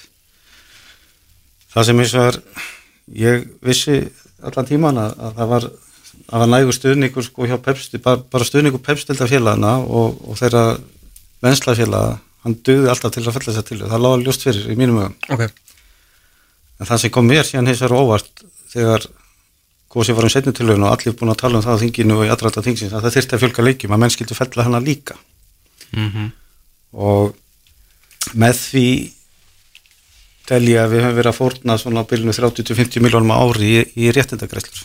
Já það var kannski næsta máli þegar þú hendir hérna mjög bara svona öflugu tísti út svona af þokkalegu, þokkalegu sleggju eftir þetta. Svo staði bara félaginu mitt væri bara að fara á miðs við, við bara peninga. Hvað er svona, hvað dregur þessa svona tölu upp, svona upp, upp úr hætturum og svona pælinga þar á bakvið svona þetta tísti verið Það er náttúrulega, sko, báða leiðinar hefðu skilað auknum, auknum tekjum í, í fjölda leikja. Emitt, Uh, svo aftur er, er leiðin sem sem nefndin laði, laði til að hún, hún skilar allt öðru í sér leikjum heldur en 14 lega delt. en er munur á greiðslu fyrir leik hvort sem hann hendur breyðablík valur eða háká leiknir Ég basically ekki held ég sko, ekki Nei. þegar að kemur að, að sjónvarpi sér slíku en, en þetta snýst um að búa til líka betri leiki leik, og vöru sem, sem fólk hefur meiri áhuga á sko. mm 14 lega til að hún hefur fjölgað leikjum með 50 í deildinni en, en umspilstillaðan um 30 Já, öll, allir þessi 50 leikir í 14 lega deildinir eru leikir liðana 12 við liðið 13 og 14 það eru það er mikil hægt á því að það verði ekkert mjög spennandi leikir oft, oft á tíum en leikinni sem eru í, í umspilsakirni eru þá 15 efri hluta og 15 neðri hluta og sérstaklega þessi leikir í efri hlutanum. Við, við vitum það að neðri hlutin er, er getur orðið svona misspennandi á milli ára en, en ég rýndi nú vel í, í öll þessi ár 10-12 ár eða síðan við tókum upp 12 lega deildina sko og þar sem efri hlutin hann býður upp á yfirleitt upp á gríðala mikla spennu. Stundum er eitt lið búið að stinga af og taka titilinn en yðurlega fjögur lið að berjast um þessu, þessu Evrópusætt og slíkt þá er þetta fann að búa til leiki sem eru kannski að gefa þetta er komað 2000 áhundur á þetta eru leiki sem skipta máli. Fólk vill leiki sem skiptir máli. Leið og Íslandsmóti byrjar Tómas við þekkjum í víkinni að mæta 12-1500 manns og svo svona fjarar undan í ef, ef það gengur illa já, En hins vegar aftur ef við erum í fallbárstu og það er leikið sem skipta máli, þá kemur fólki okkar. Sko. Þannig að fólki vill sjá leikið sem skiptir máli. Og það er náttúrulega svona þessi matsteg revenue sem, sem klúbarnar er að horfa á. Þar eru stóru tekjunar í, í fyrir liðin í, í þessari umspilsakir. En ég hef heyrt reyndar það tölur að sem fyrir að haldið því fram að við sem að fá ykkur 5 og upp í 7 miljónum per leik fyrir heimaleikin þetta er svona þum að putta regla kannski að við skoðum hjá okkur í víkinni að við erum að fá kannski svona 1200 kall inn á hvern áhörnda sem kemur svona að jafna þessu, við erum með áskort það er eða mikið í það er ekki og eitthvað svona sko, Einmitt. þannig að ef þú ert að fá 2000 manns á völlin þá er það kannski, það eru hálf til 3 miljónir max, það eru svona tekjuna sem félagin er að hafa úr, úr, úr heimalegjum sko Mhm. En, en aftur þá sko neðri hlutin getur, þar geta verið leiki sem hafa kannski lítinn tilgang og, og þeir koma alveg klárlega en aðri leiki sem hafa mikið tilgang líka og liðin sem eru kannski væru fallið venjulega eftir 22 leiki þau fá 5 leiki viðbót við liðin sem eru í kringum sig. Já, það sko, auðvitað sitt sinni hverjum um þess að og hérna, allt er góð með það, hérna, mjög svona óvöndum oft og mjög heimskulu umræða, finnst mér ummyndað, sko, hérna, meðal annars á þinginu, hérna, að því að, einmitt, mér svolítið gleymast einmitt þessi svona barátt að neðri, neðri liðan og sko, alltaf vera að tala um hvað gerist með sjöundasæti, þú veist, það lið sem er ekki að kepp um neitt, það skiptir það náttúrulega kannski einhver máli hvort það spila þá í sjöundasæti í tvískipti deldi eða ekki fattur það var svona, Akkurat. fólk var svolítið að hengja sig bara út á sjöundasæti en allt í góðu, þú veist, það er bara þetta var felt og, og það er bara eiginlega umræðan fyrir annan dag. Uh, það sem að velti fyrir sér uh, að þið hérna, fórst ég voru svona, stærri klúbarnir og, og síðan við vikingar náttúrulega með því sem, sem fráfærandi formann sem að voru svona að tala fyrir þessu að þeir að koma inn á þingið og þeir eru að reyna að fá þetta í gegn og þeir eru að reyna að berjast fyrir hagsmunum uh, Íslands fótbolta, sem Íslands tófótbolti þá skilur maður ekki alveg hvar hérna, þú varst þarna og Vegar Halldórsson voru þarna en hvar voru hinnir? Já, það er góð, góð spurning Hvar var Börkur? það heyrist- hvar var Palli? Hvar var Orri? Þú veist, menn sem hefur, hefur heist í kannski eftir á að búa að kjósa um þetta átti ekki Fyrir- heyrast, meira í þessum mönnum áður en kostningi fór fram. Ég veit nú Ári hérna formar ITF í dag, hann var nú Jú. löglega forfallagur á þessu tingi sko, var, var fyrirvarandi en, en þetta er alveg, alveg rétt hjá okkur það er svona vantar vantar sko breyðari eða fleiri rattir Já, hjá, hjá þessum félagum sem þá standa og stýðja þessa tillögu sko, mm það voru það voru margar rattir úr hinnáttinni vissulega Og og, og Viðar Halldórsson er ekki kannski beint sko, hann er ótrúlega fróður en hann verður sendt kallaður sammenningatákn fótboltan sko. Og hafa með fullt af góðum punktum, ég er ekki alls ekki að setja niður en eins og segja, það vantaði kannski aðeins svona fleiri já, bara aftur, bara fleiri frá ykkur sem var að berjast fyrir þessu, þetta, var- rosalega skytið Já, ég get alveg tekið undir það sko og það sem vantaði líka og ég var svona ég, ég reynda baðum sem sagt eftir eftir hérna eftir fyrir atkvæðagreisluna að ég fengi að tala aftur Já, en þá var búið að loka á umræður um, um þessa tillögur alfarið ég vildi brýna menn í það að, þá, að hópast á bakvið þá setni tillöguna fyrst að hinn var feld sko. en, en hérna, 14 liðin var á undan já, 14 var að undan sko. Það kom mér á óvart eins og ég sagði á hann sko, að, að við skildum þá fella hana svona samfærandi líka sko, í ljósið hvað var í húi sko, Mhm. og það var svona þetta var bara einhvern veginn þessi, þessi umræði sko. En hver, hvernig var aðdraðandinn að þessu? Þú veist, hver, þú veist, það voru, þið voru eitthvað búin að funda bæðið, þú veist, efstöldaliðin sér, lengjudaliðin sér, vantanlega eitthvað, eitthvað saman Þú veist, var, hérna, fannst þér vera samstæða um eitthvað komandi inn á þingið í þessu máli? Nei, það var náttúrulega sko, við fundum tölverði getum januar sérstaklega setni, setni hluta januar inn í februar það er eiginlega allan tíman ljóst að uh, lengjudeldafélagin hefðu aðra skoðun að þessu heldur en pepsdeldafélagin Mm. Og það var líka þannig að, að fyrsti kostur hjá sumum pepsdeldafélagin var að fara í tíulega dild eins og til að fylgis var Mhm. en hérna menn sáu það svo sem að, að til að nefndarna var ákveðin svona málameilin í því að vera á milli tíulega dildar eða fjórtanlega dildar og en fjölga leikjum samt þannig að en eins og ég sagði annars sko þetta var svona eiginlega í allri umræðinni í allræða þingsins var ljóst að það stemdi í átök sko Og hvað, hvað hérna, á af hverju var ekki að finna, hver voru raukstinu til þess lengjudaliðina? Bara þá að spila á yngri leikmönnum og, og 14 lið? Ég meina, þú veist, hver átti tekjudreingin til þess að vera með, með 14 liða efstild? tekjudrengin er náttúrulega ljós í sko sjónvarsréttur efstu deildarinn hann skiptist á milli félagarni í þeirri deild þannig að það verði þá í 14 hluta í staðan fyrir 12 sko. Ok, Eh, það var í umræðinni eitthvað að, að hugsaðlega láta leik, eitthvað sem tekjum leka niður í lengjudeildina Mhm. það kom upp og, og, og hérna, en svo umræða kláraðist aldrei og það er kannski sko, og ég hef sagt við menn svona eftir þingið, það er kannski eitt sem þarf að taka upp sko og aftur kemur að samtökinu hófið sér 10-11 ára gömur, þau eru ung. Við erum að gangi gegnum þetta í fyrsta skipti að semja um sjónvarsrétt sem er öllu líkjum umtalsvöld herri heldur en að vera áður. Að, eh, að hérna að sé gerð, gerður eitthvað skona sáttmáli um það að alla tekjur sem koma í ITF uh, hugsaðlega skiptist niður á þessar deildir fjórar sem eru innan ITF eftir einhverjum fyrirfram ákveðnum uh, hlutvöllum. En eru það farin í markasetni sem núna með lengjuna bara á ekki fá ekki neitt undir þessu?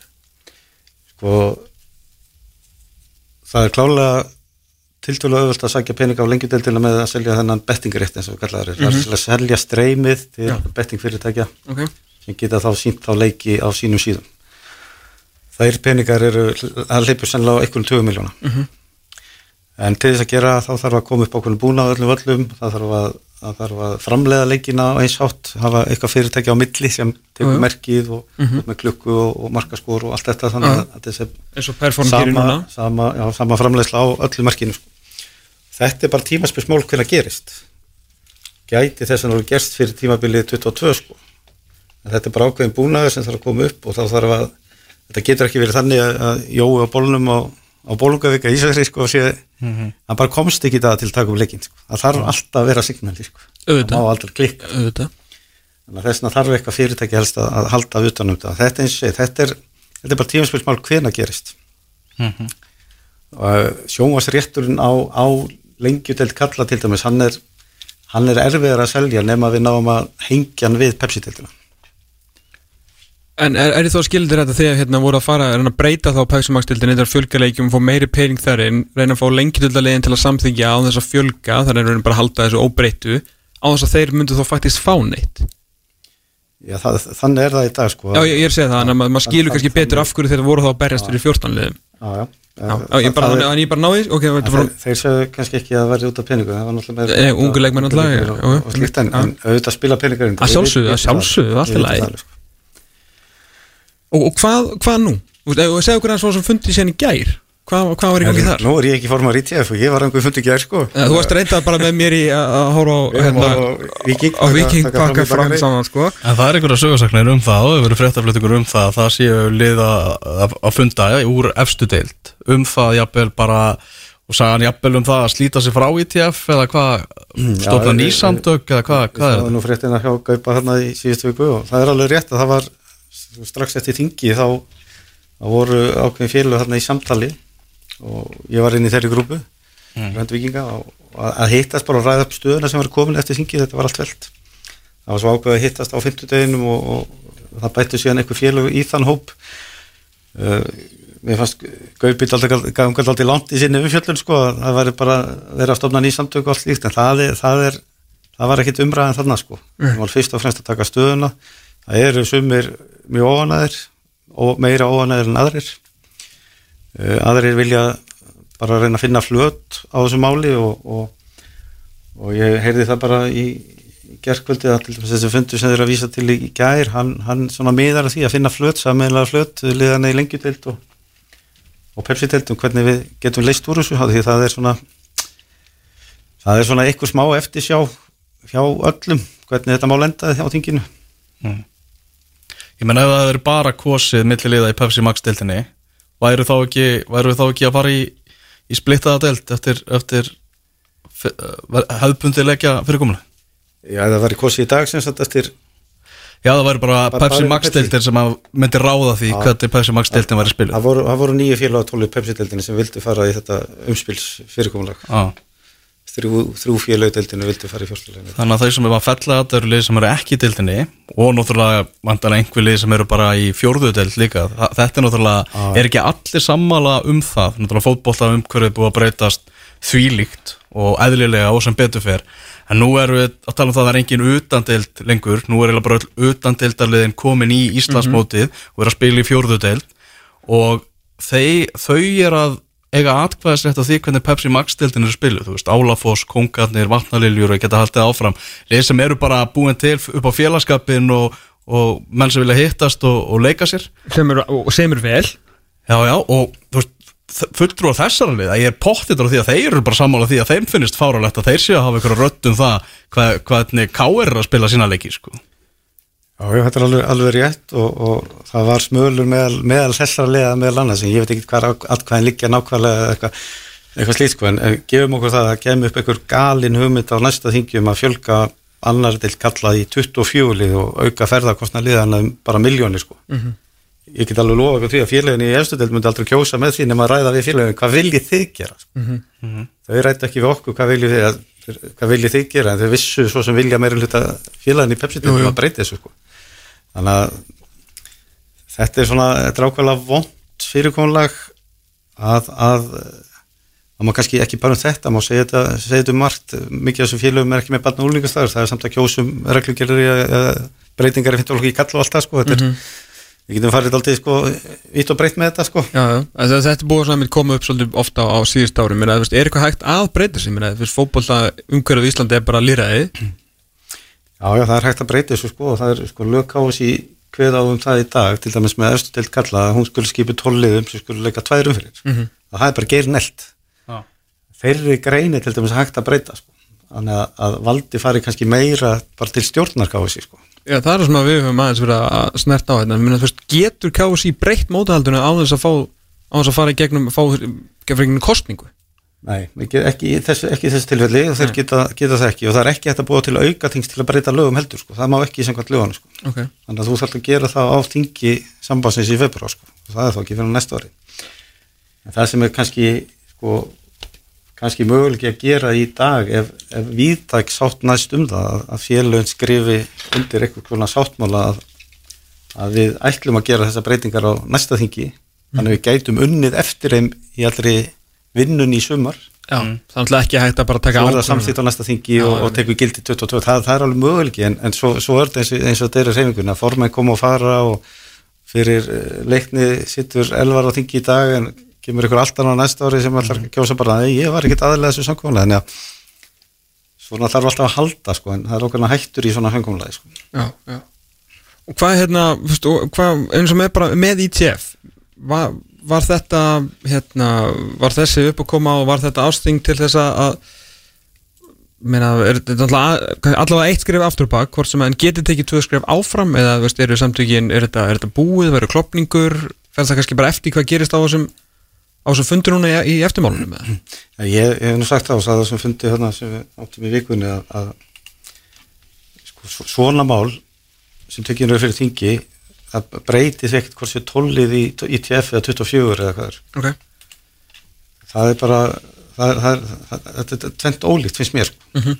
við höfum ekkert unnið þessa kostningu að vera tólið í ITF eitthvað frekar heldur en, heldur en 24 sko. Einmitt. tapan er jafn illa sko. En svona sáttmáli félagana innan ITF hann er hann er sko sá að, að til dæmis að leita leiða til málamiðlana og lausna við ágreiningur hvers konar kemur upp á milli aðaldafélag Mhm.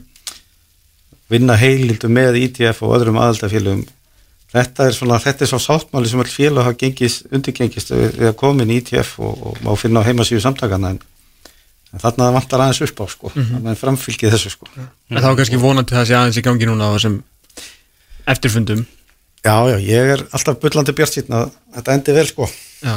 Ég er svartstýtt sko Mér finnst þess að við séum bara fast Först bara í einhverju hjólförum sem við munum ekkert komast upp úr sko Já, það er svo bara hrikalega slemt sko. Já, Það er, eins og ég sagði þannig, ég, ég, ég met það svo að ég sem að kasta stórum fjármunum fyrir borð mhm og það er ekki eins og við höfum metna á því mikið. Nei, að þið eru að fara að selja sjónvarsvettin núna fyrir vantala minnstakosti þrjú ár, ég myndi halda að það vera alveg einhver byrjunapunktur.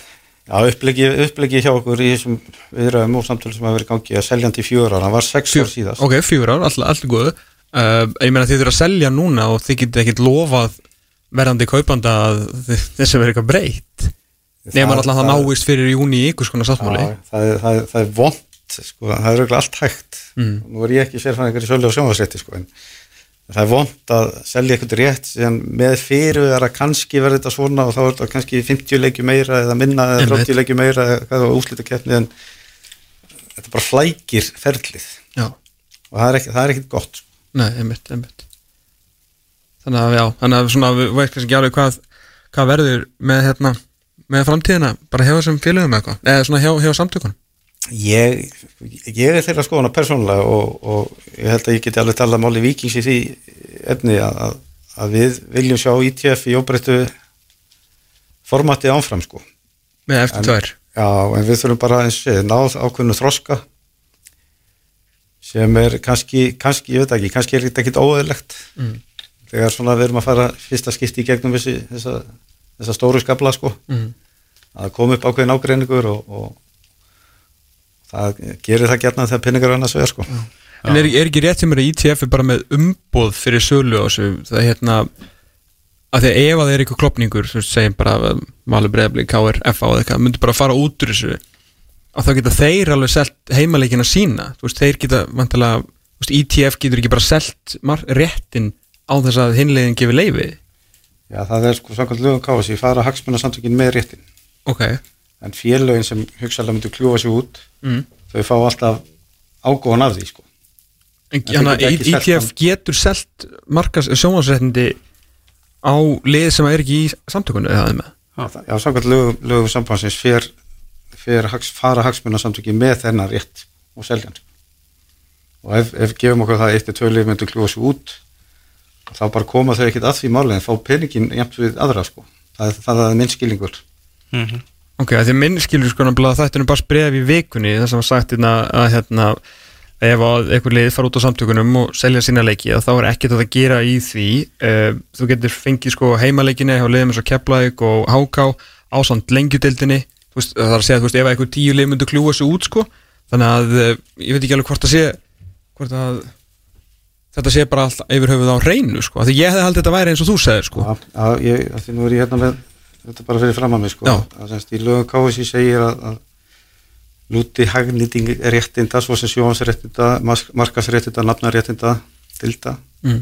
sala auðlýsinga og markasetninga ákveðnum deildum, Mm. fara félög í þeirri deild eða deildum eða viðkjönda hagsmunarsamtök þeirra með samningsumbóðu á rástöðun allra réttinda. Já, þess vegna væri það mjög fyndið ef að liðin sem er núna sko myndi brjóta sig út og áskrumi helgi myndi síðan bara selja þetta.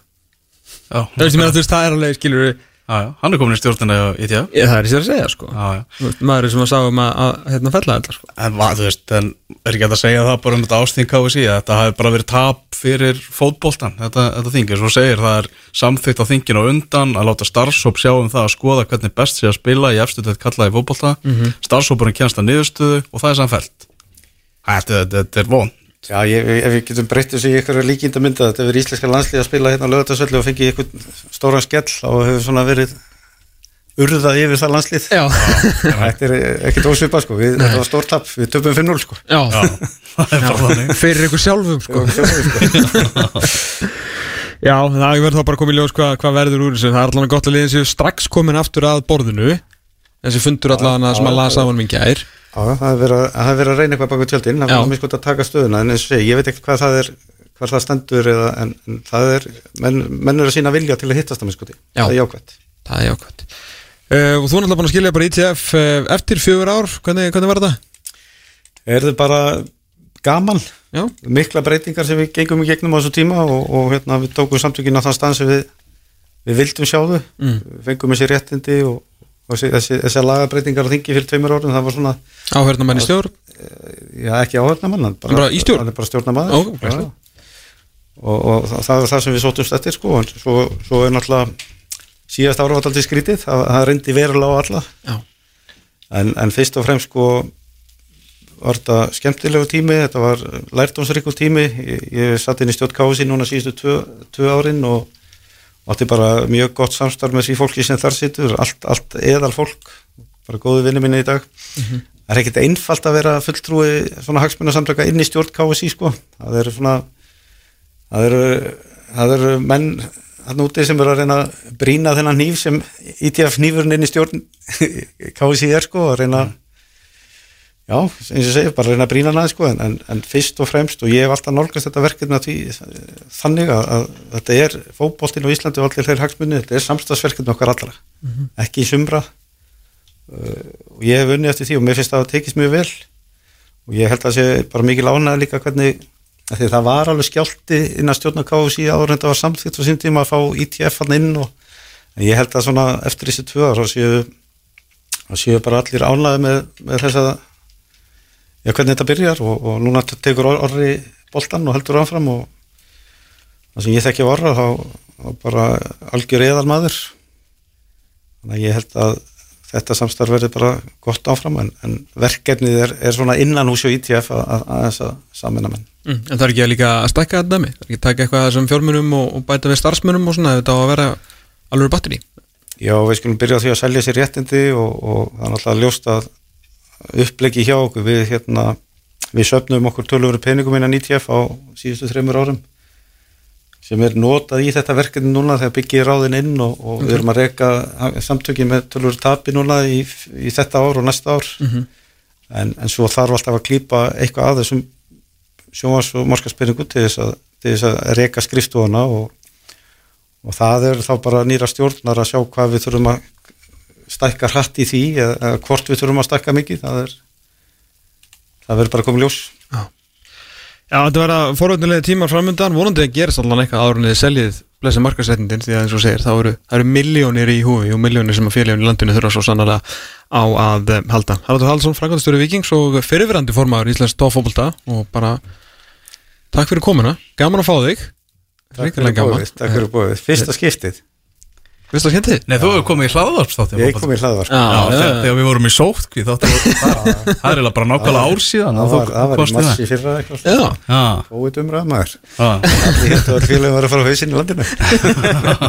En svo geta bjargast með sjóasrættunum sá hvernig það fer. Ég og Elvar höldum áfram minn eftir augnablík Nú er í gangi hátæðsleikurinn í ansku úrvalstettinni Burnley á móti Arsenal og eh, það eru 50 mínútur sem eru leðnar af leiknum og staðan er 1-1 og Jóhann Berg Guðmundsson í byrjunarliðinu hjá Börnleik góðar fréttir fyrir okkur Íslandinga sem erum að fara náttúrulega setna í þessu mánuði. Í, þá opnast eh, landsleikja glugginn aftur og, og við erum að fara að spila strákarnir. Já. En uh, staðan já, eins og þess að 1-1 Og sprellimark sem að hérna, börnlega skoraði. Ok, Chris Wood sem að jafnaði og Aubameyang sem kom Arsenal yfir. Mhm. og það er alltaf gaman að við erum miklir aðdáðandi sprelli marka Já, heldur betur. Heru, Það er eitthvað líka farin á stað í, í lengjunni þar sem að eh, Íslandsmeistararnir og uh, liðir sem að var hjá okkur í ótíðum bara spáni áðan. Já, Valur er 2-1 yfir gegn eh, HK en það er engar upplýsingar að finna lengur um svona markaskor og svona í þessari í þessum íslenska fótbolta. Það er undan svolítið leðilegt sko. Já, uh, það er fylki leiknir sem er í dag í árbænum K.R. Kórdrengir á sama tíma klukkan 2 F.A. Þór og svo er uh, Maggi Ból í Mósersbænum afturlætti K.A. Já, leikurinn er reyndar í betni á Valur TV uh, en það er ekki það er ekki grafík hérna á hann sko en einhvað síður, þetta getur að sé leikin og fallegt, uh, fallegt er það veðrið og, og dagurinn hérna á, á hlýðarenda Mm -hmm. Herðu, Sheffield United Southampton er þrjúleikurinn Aston Villa Úlfarnir 1730 og Brighton Leicester þess að kvöldleikurinn og um, aðaldagsgrunn er á morgun sunnudag uh, Vestbrom Newcastle. Það er Steve Bruce í brasi. Þeir eru að leka í fjölmiðla og hann að leita sökudólki sem er að sem er að leka því hvað, hvað er í gangi hann að bak við tjöldin í, hjá Newcastle. Fábjánar sem að fótballtamenn geta verið sko. Pældu í ruggli sem er í gangi þarna í norðurinu maður En það besta við þetta, allt saman er uh, það er alveg tvent sem er fyndið við þetta að uh, sama hversu mikið leikmennir munu kvarta í fjölmiðlum og þú veist, hérna, reyna að þeir sem að þeir eru að reyna að gera er að fá Steve Bruce í burtu með þessu, þeir eru að láta hann líta svo illa út að það sé allt í volið þannig að uh, Mike Astley munu taka í gikkinu og reka Steve Bruce sem er náttúrulega aldrei að fara að gerast því að Mike Astley er náttúrulega alveg sama um hvað gerist fyrir þetta félag. Og meina Steve Bruce meina hann er þægur og segir ekki neitt um Mike Astley og vinnur nógu marga leiki til þess að halda sig upp í dildinni sem er reyndar hæft núna sko. Er með þrjá bestu fótboltamennina sína frá útmánuðin og fúla með svona fara að ganga betur. Allavega, þú veist, Astley er ekkert fara reka hann fyrir hann mögulega fellur og kannski einu svona þá. Mike Astley nennir ekki að standa í því að vera eitthvað að fara það bara bara kostar peninga. Já, já. og gleymi því ekki að ef að leikmönnunum tekst að láta reyka Steve Bruce að þá far hann fjórar miljónir punta millifarðarinn á já, fjórar miljónir punta þannig að það þarf enginn að vorkina Steve Bruce nema að hann ætla að vera að díla við þessa, þessa fóbjána sko. Mhm. Herra Leopold Fulham er uh, klukkan tvö. Slemt tap hjá Leopold náttúrulega í, í vikunni og, og uh, bárst náttúrulega fréttir að því sem hann í gærað og sann Kabak sé meittur það kemur ekkert óvart að sé varnamaður meittur hjá, hjá Leopold.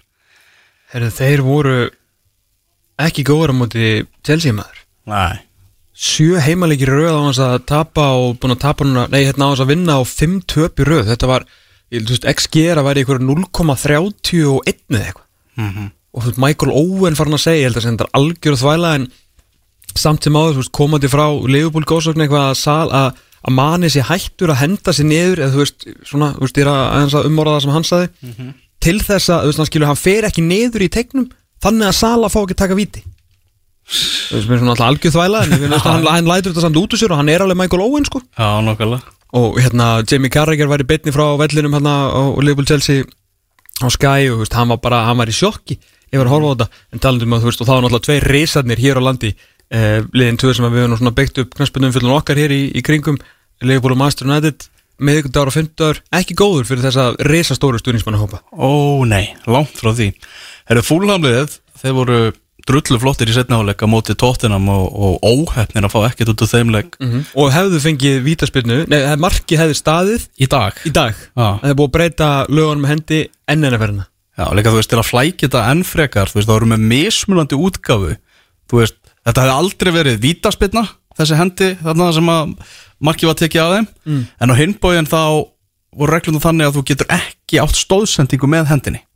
Já, móti ekki skilur má ekki vera hendi í aðdraganda marks Já. Manstu í fyrra, manstu sitt í tóttina mjög snemma á leiktíðinni þegar að sitt í skorar segumark ég held að það vera öruglega segumark en þú veist Gabriel Jesus einhvern veginn fekk boltan í höndina í aðdragandur á markinu þá þú sóknar maður má ekki hagnast Mm -hmm. en síðan þá einhvern veginn glemdi samt í þeirri allan í túlkun dómarans í þeim leik en sérst í þessum leik núna, fúlam tóttinam að gæjan hagnaðast náttúrulega ekki neitt var með bara höndina limda upp við læra þessu sko. Það átti að hann bara skera hendina af eða eitthvað Já, það hefur verið eina sem hefði döða til Já, þetta er alveg fárulegt og hann en þú veist, rétt hjá dómarunum samt að taka þetta af, samkvæmt strungustu reglum að taka markið af en það eru bara regluna rángar veist, það er það, og allir, allir sammála um það með þess að tóttunarstunismenn sko. Já, það var hérna, mástu vorum að tala um þetta í síðustu viku eða fyrir tveim viku síðan að það hefði hérna, svona rólegt yfir dómurunum þau voru bara nákvæmstu stökum á, á Varsjáni þú veist, var, ekki, þú veist, það var langt síðan við séð eitthvað, eitthvað, þvælu eitthvað sem að tók alltaf langan tíma og bara búin að fín dómgæsla og svona allt í rólegheitum. Lee Mason sagði bara hold my beer ákveða að bjóða upp á mestu þvælu sem að hafa séð langan tíma. Svo kom hérna Timo Werner rángstæðan sem að þú veist er hann rángstæður eða ekki? Og þá förum við alltaf tilbaka í manni á móti Everton skilur og þú veist þessir og þá fara menn að tala um eiga að vera þú veist, þessi 5 cm hérna, hérna gráasvæðið eins og hollendingarnir eru með og þeir alveg mistu allt í raskat dómara er samstilt átak bara um að hleypa öllu upp í loft aftur. Já, já. og Lee Mason var alltaf tóknar í kálvanuna í þessar umferðan með svona hann ekki að dæma? Tóknaður í kálvanu já, en, var hann að gera gæsalappir í útvarpi. Já, akkurat, mjög, gerir mikið af því. Já, mikið af því. Þeir eru stórleikur morgundagsins þess að Manchester City. Á móti Manchester United og við verðum að vona það, að, veist, leikurinn getur allavega ekki orðið leiðilegri heldur en fyrri viðrögn þessara liða á tímabilinu. Það er ekki hægt. Nei, ég, hérna, mér langar að segja eitt en ég þarf náttúrulega að selja þetta program en ég ætla að segja nei, það er ekki sjens Ég held þetta að fara í fjögur fjúr Nei Nei, ég meina Manchester City er bara okkur í vegferð sem að ég bara maður hefur ekki séð í, í háa herrans tíu og reyndar ekki síðan bara á síðustu leiti síðan að Liverpool þetta og City þar á undan hann er nú kannski ekki það nýtt en reyndar eru að vinna fleiri leiki í röð heldur en hinlegin gerir sem að maður held að það er ekki bara ekkert að fara að gerast maður var búin að sjá svo rosalega hvernig orðið þetta, maður var búin að sjá svo svakalega svona hátt pík hjá bæði Manchester City og Liverpool, maður held veginn að það er ekki toppað og Pekka Guardiola bara, jú, jú græðin það bara. Já, og þeir eru þú veist að endur heimta menna með Íslalistanum núna fyrir, og fyrir loka sprettin svo ákvað Óli Gunnar Solskjær að segja bara í viðtali núna í vikunni að hérna, bara síðasta blaman fundi eitthvað að hérna, hann verið ósamal á því að úrslitin hefði verið slök upp á því að þau af því þeir hefðu unnið Southampton 9-0 og Real Sociedad 4-0 og 0-0 jafntefli væri ekki líkt þeim. Já, ok Það er ekki en- að búið að gera fleiri 0-0 jafntefni þeir Já, hann sagði svona, this ain't us, skilur við, við eigum ekki, nei ég veit þið eigi ekki að gera það, þú telur ekki að gera það, en þið gerðu það samt alveg. Og þeir eru búin að vera alveg skelvilega slækir upp á síkastið, sko. Þannig að, já, þetta var, uh, Óli Gunnar Solskjær á okkur mjög skritinni vegferð með þetta mesturöndlið upp á, upp á síkastið, sko. Svo uh, senasta leikurinn á morgun er Tottenham á móti Crystal Palace uh, Lundunarslagur sem verður þarna klukkan 19.15 Það held ég, eh, svo er ekki Chelsea Everton síðan á, á mánudaginn. Jú, það er bara góður þetta er Chelsea Everton og West Ham Leeds á mánudaginn Djúvill hef ég gaman að, hérna, var fréttin á .net með gilva eða? Já, það ekki með Þetta var algjör snild sko. Með sjá, segir Gilva hann langvann með þetta Það var hérna einhver tölfræðingur hérna, maður sjá, hann er með Gilvi Sigursson og þessari leitið flesta stóðsendingar, flesta stóðsendingar og opnuleik, þriðji markaðistur eftir Calvert Lúin og Richarlison og uh, það er bara Dominic Calvert Lúin sem hefur búið til fleiri marktækifæri og unnið reynd og bent fleiri stig fyrir Evertonliði heldur en Liverpool. Gilvi Sigursson, the most underrated player in the Premier League by a mile. Bara heyriði þetta? Mm Það er náttúrulega búið að algjör veistla að fara alltaf á Twitterin að hendi gilva núna svona upp á síðkastið. Alltaf eitthvað, ég þóla hann samt ekki en svo koma svona hundra tíst í röða sem er eitthvað, já ok, hann er kannski alltaf læg, já ég hef alltaf sagt að hann verið góður því að hann má ekki gefa sendingu veist, aðeins fyrir aftan eitthvað samir þá verður alltaf vittlust sko. En svo voru alveg fullt af alveg umöðlega leik, ekki kannski fullt en það er alveg nokkri lélegri leikmenni í þessu liði sko, lélegri leikmenni í þessu liði sem að reynda að kalla á eins og lotti er búin að ná einhvern veginn að búa til alveg ótrúlegt lið út úr sko. Flottuleikur í, í spænska bóttanum líka á, á morgun, það er Madridar slagur. Atletico Ok, það er að það vera að spila hann í líka? Það er ennþá verið að spila þar á, á fullri ferð sko. ah, ok, það er flott. Og uh, já, Atletico Madrid með sigur þar og þá bara byggar á loft held ég sko. Allar punktur net að fara í annað punktur net móti eða? uh, Nei, held ég ekki. Nei, þannig að við fáum bara nógu æfingarleikjum hérna. Fullt af skemmtilegum æfingarleikjum meðal annars verður Maggi Ból á mótið leikni. Er búið að skip, það komið á kortinu? Já, já, það er vinnáttuleikur Það lítur alltaf að vera bara styrtarleiku fyrir fótbolti.net Getur ekki að verið Það er punktu net slagurinn sko Það er .net slagurinn sko Og Dómi Snóa vellinum maður Herðu, hvenar er hérna uh, lengjubikarin úrslit það er 5.